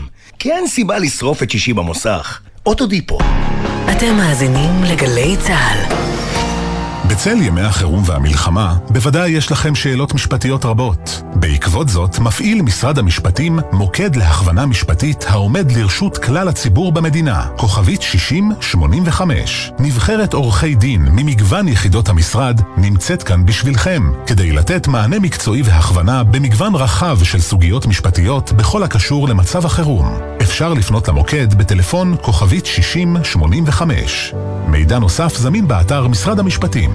יש רופא משפחה בסביבה? מה עושים כשצריך פסיכולוג לילדים שיעזור להסביר להם את המצב? בתקופה הזו יש הרבה שאלות בנושא הבריאות, לצד התגייסות כוללת של מערכת הבריאות בבתי החולים, המרפאות וקופות החולים. במוקד כל הבריאות, כוכבית 5400, תמצאו את כל התשובות לחירום ולשגרה. נוסף על כך, מוקד כל הבריאות נותן מענה למפונים על שירותים רפואיים במקום מגוריהם הזמני. מידע נוסף באתר משרד הבריאות. יחד ננצח. אוניברסיטת בר אילן הקימה למען הקהל הרחב קו חם לתמיכה רגשית. פסיכולוגים ועובדים סוציאליים כאן בשבילכם. חפשו בגוגל הקו החם בר אילן. קיבלתם התראה על ירי רקטות וטילים בזמן נסיעה בתחבורה ציבורית? בקבלת ההתראה ברכבת או באוטובוס בדרך בין-עירונית, מתכופפים מתחת לקו החלונות ומגינים על הראש באמצעות הידיים למשך עשר דקות. אם נוסעים באוטובוס בתוך העיר ואפשר להגיע למבנה סמוך בזמן, יורדים מהאוטובוס בזהירות ותופסים מחסה במבנה. אם אין אפשרות להיכנס למבנה בזמן העומד לרשותנו, נשארים בתוך האוטובוס, מתכופפים מתחת לקו החלונות ומגינים על הראש באמצעות הידיים. עוד פרטים באתרים של פיקוד העורף, הרלב"ד ומשרד התחבורה. סוף השבוע זו הזדמנות לעשות הפוגה מהחדשות ולשמוע גם משהו שיעשה לכם טוב על הלב. בשבת, ירדן בר כוכבא ודידי שחר בתוכנית לילדים. יורם סוויסה, בן וקובי פראג' ומיקי קם ויהודה עדר אוגרים כוחות לשבוע חדש. גלי צה"ל, פה איתכם, כל מקום, כל הזמן. גלי צה"ל מזמינה אתכם להצטרף למאמץ המשותף למען התושבים בקו האש, באמצעות מיזם המיטה החמה, בשיתוף יישומון מקום בטוח, לחבר בהתאם לצורך וליכולת בין אזרחים ללא פתרונות לינה בעקבות המצב, לבין אלה המוכנים ויכולים לסייע. קטנה שלי בת שנתיים ותשע על הרצף האוטיסטי, אחרי כמה שעות חזרו אליי מגלי צה"ל, אמרו לי יש לנו התאמה. ניסו כמה שיותר להתאים אלינו מקום שיתאם לצרכים של המשפחה שלי. העובדה שיש מישהו שדואג לך כרגע, משהו שם הוא קל. אנו קוראים לכם לתמוך ולהיתמך. מוזמנים לפנות אלינו דרך הוואטסאפ במספר 052-915-6466. גלי צה"ל פה איתכם, כל מקום, כל הזמן. מיד אחרי החדשות, נעמי רביע עם קולה של אימא.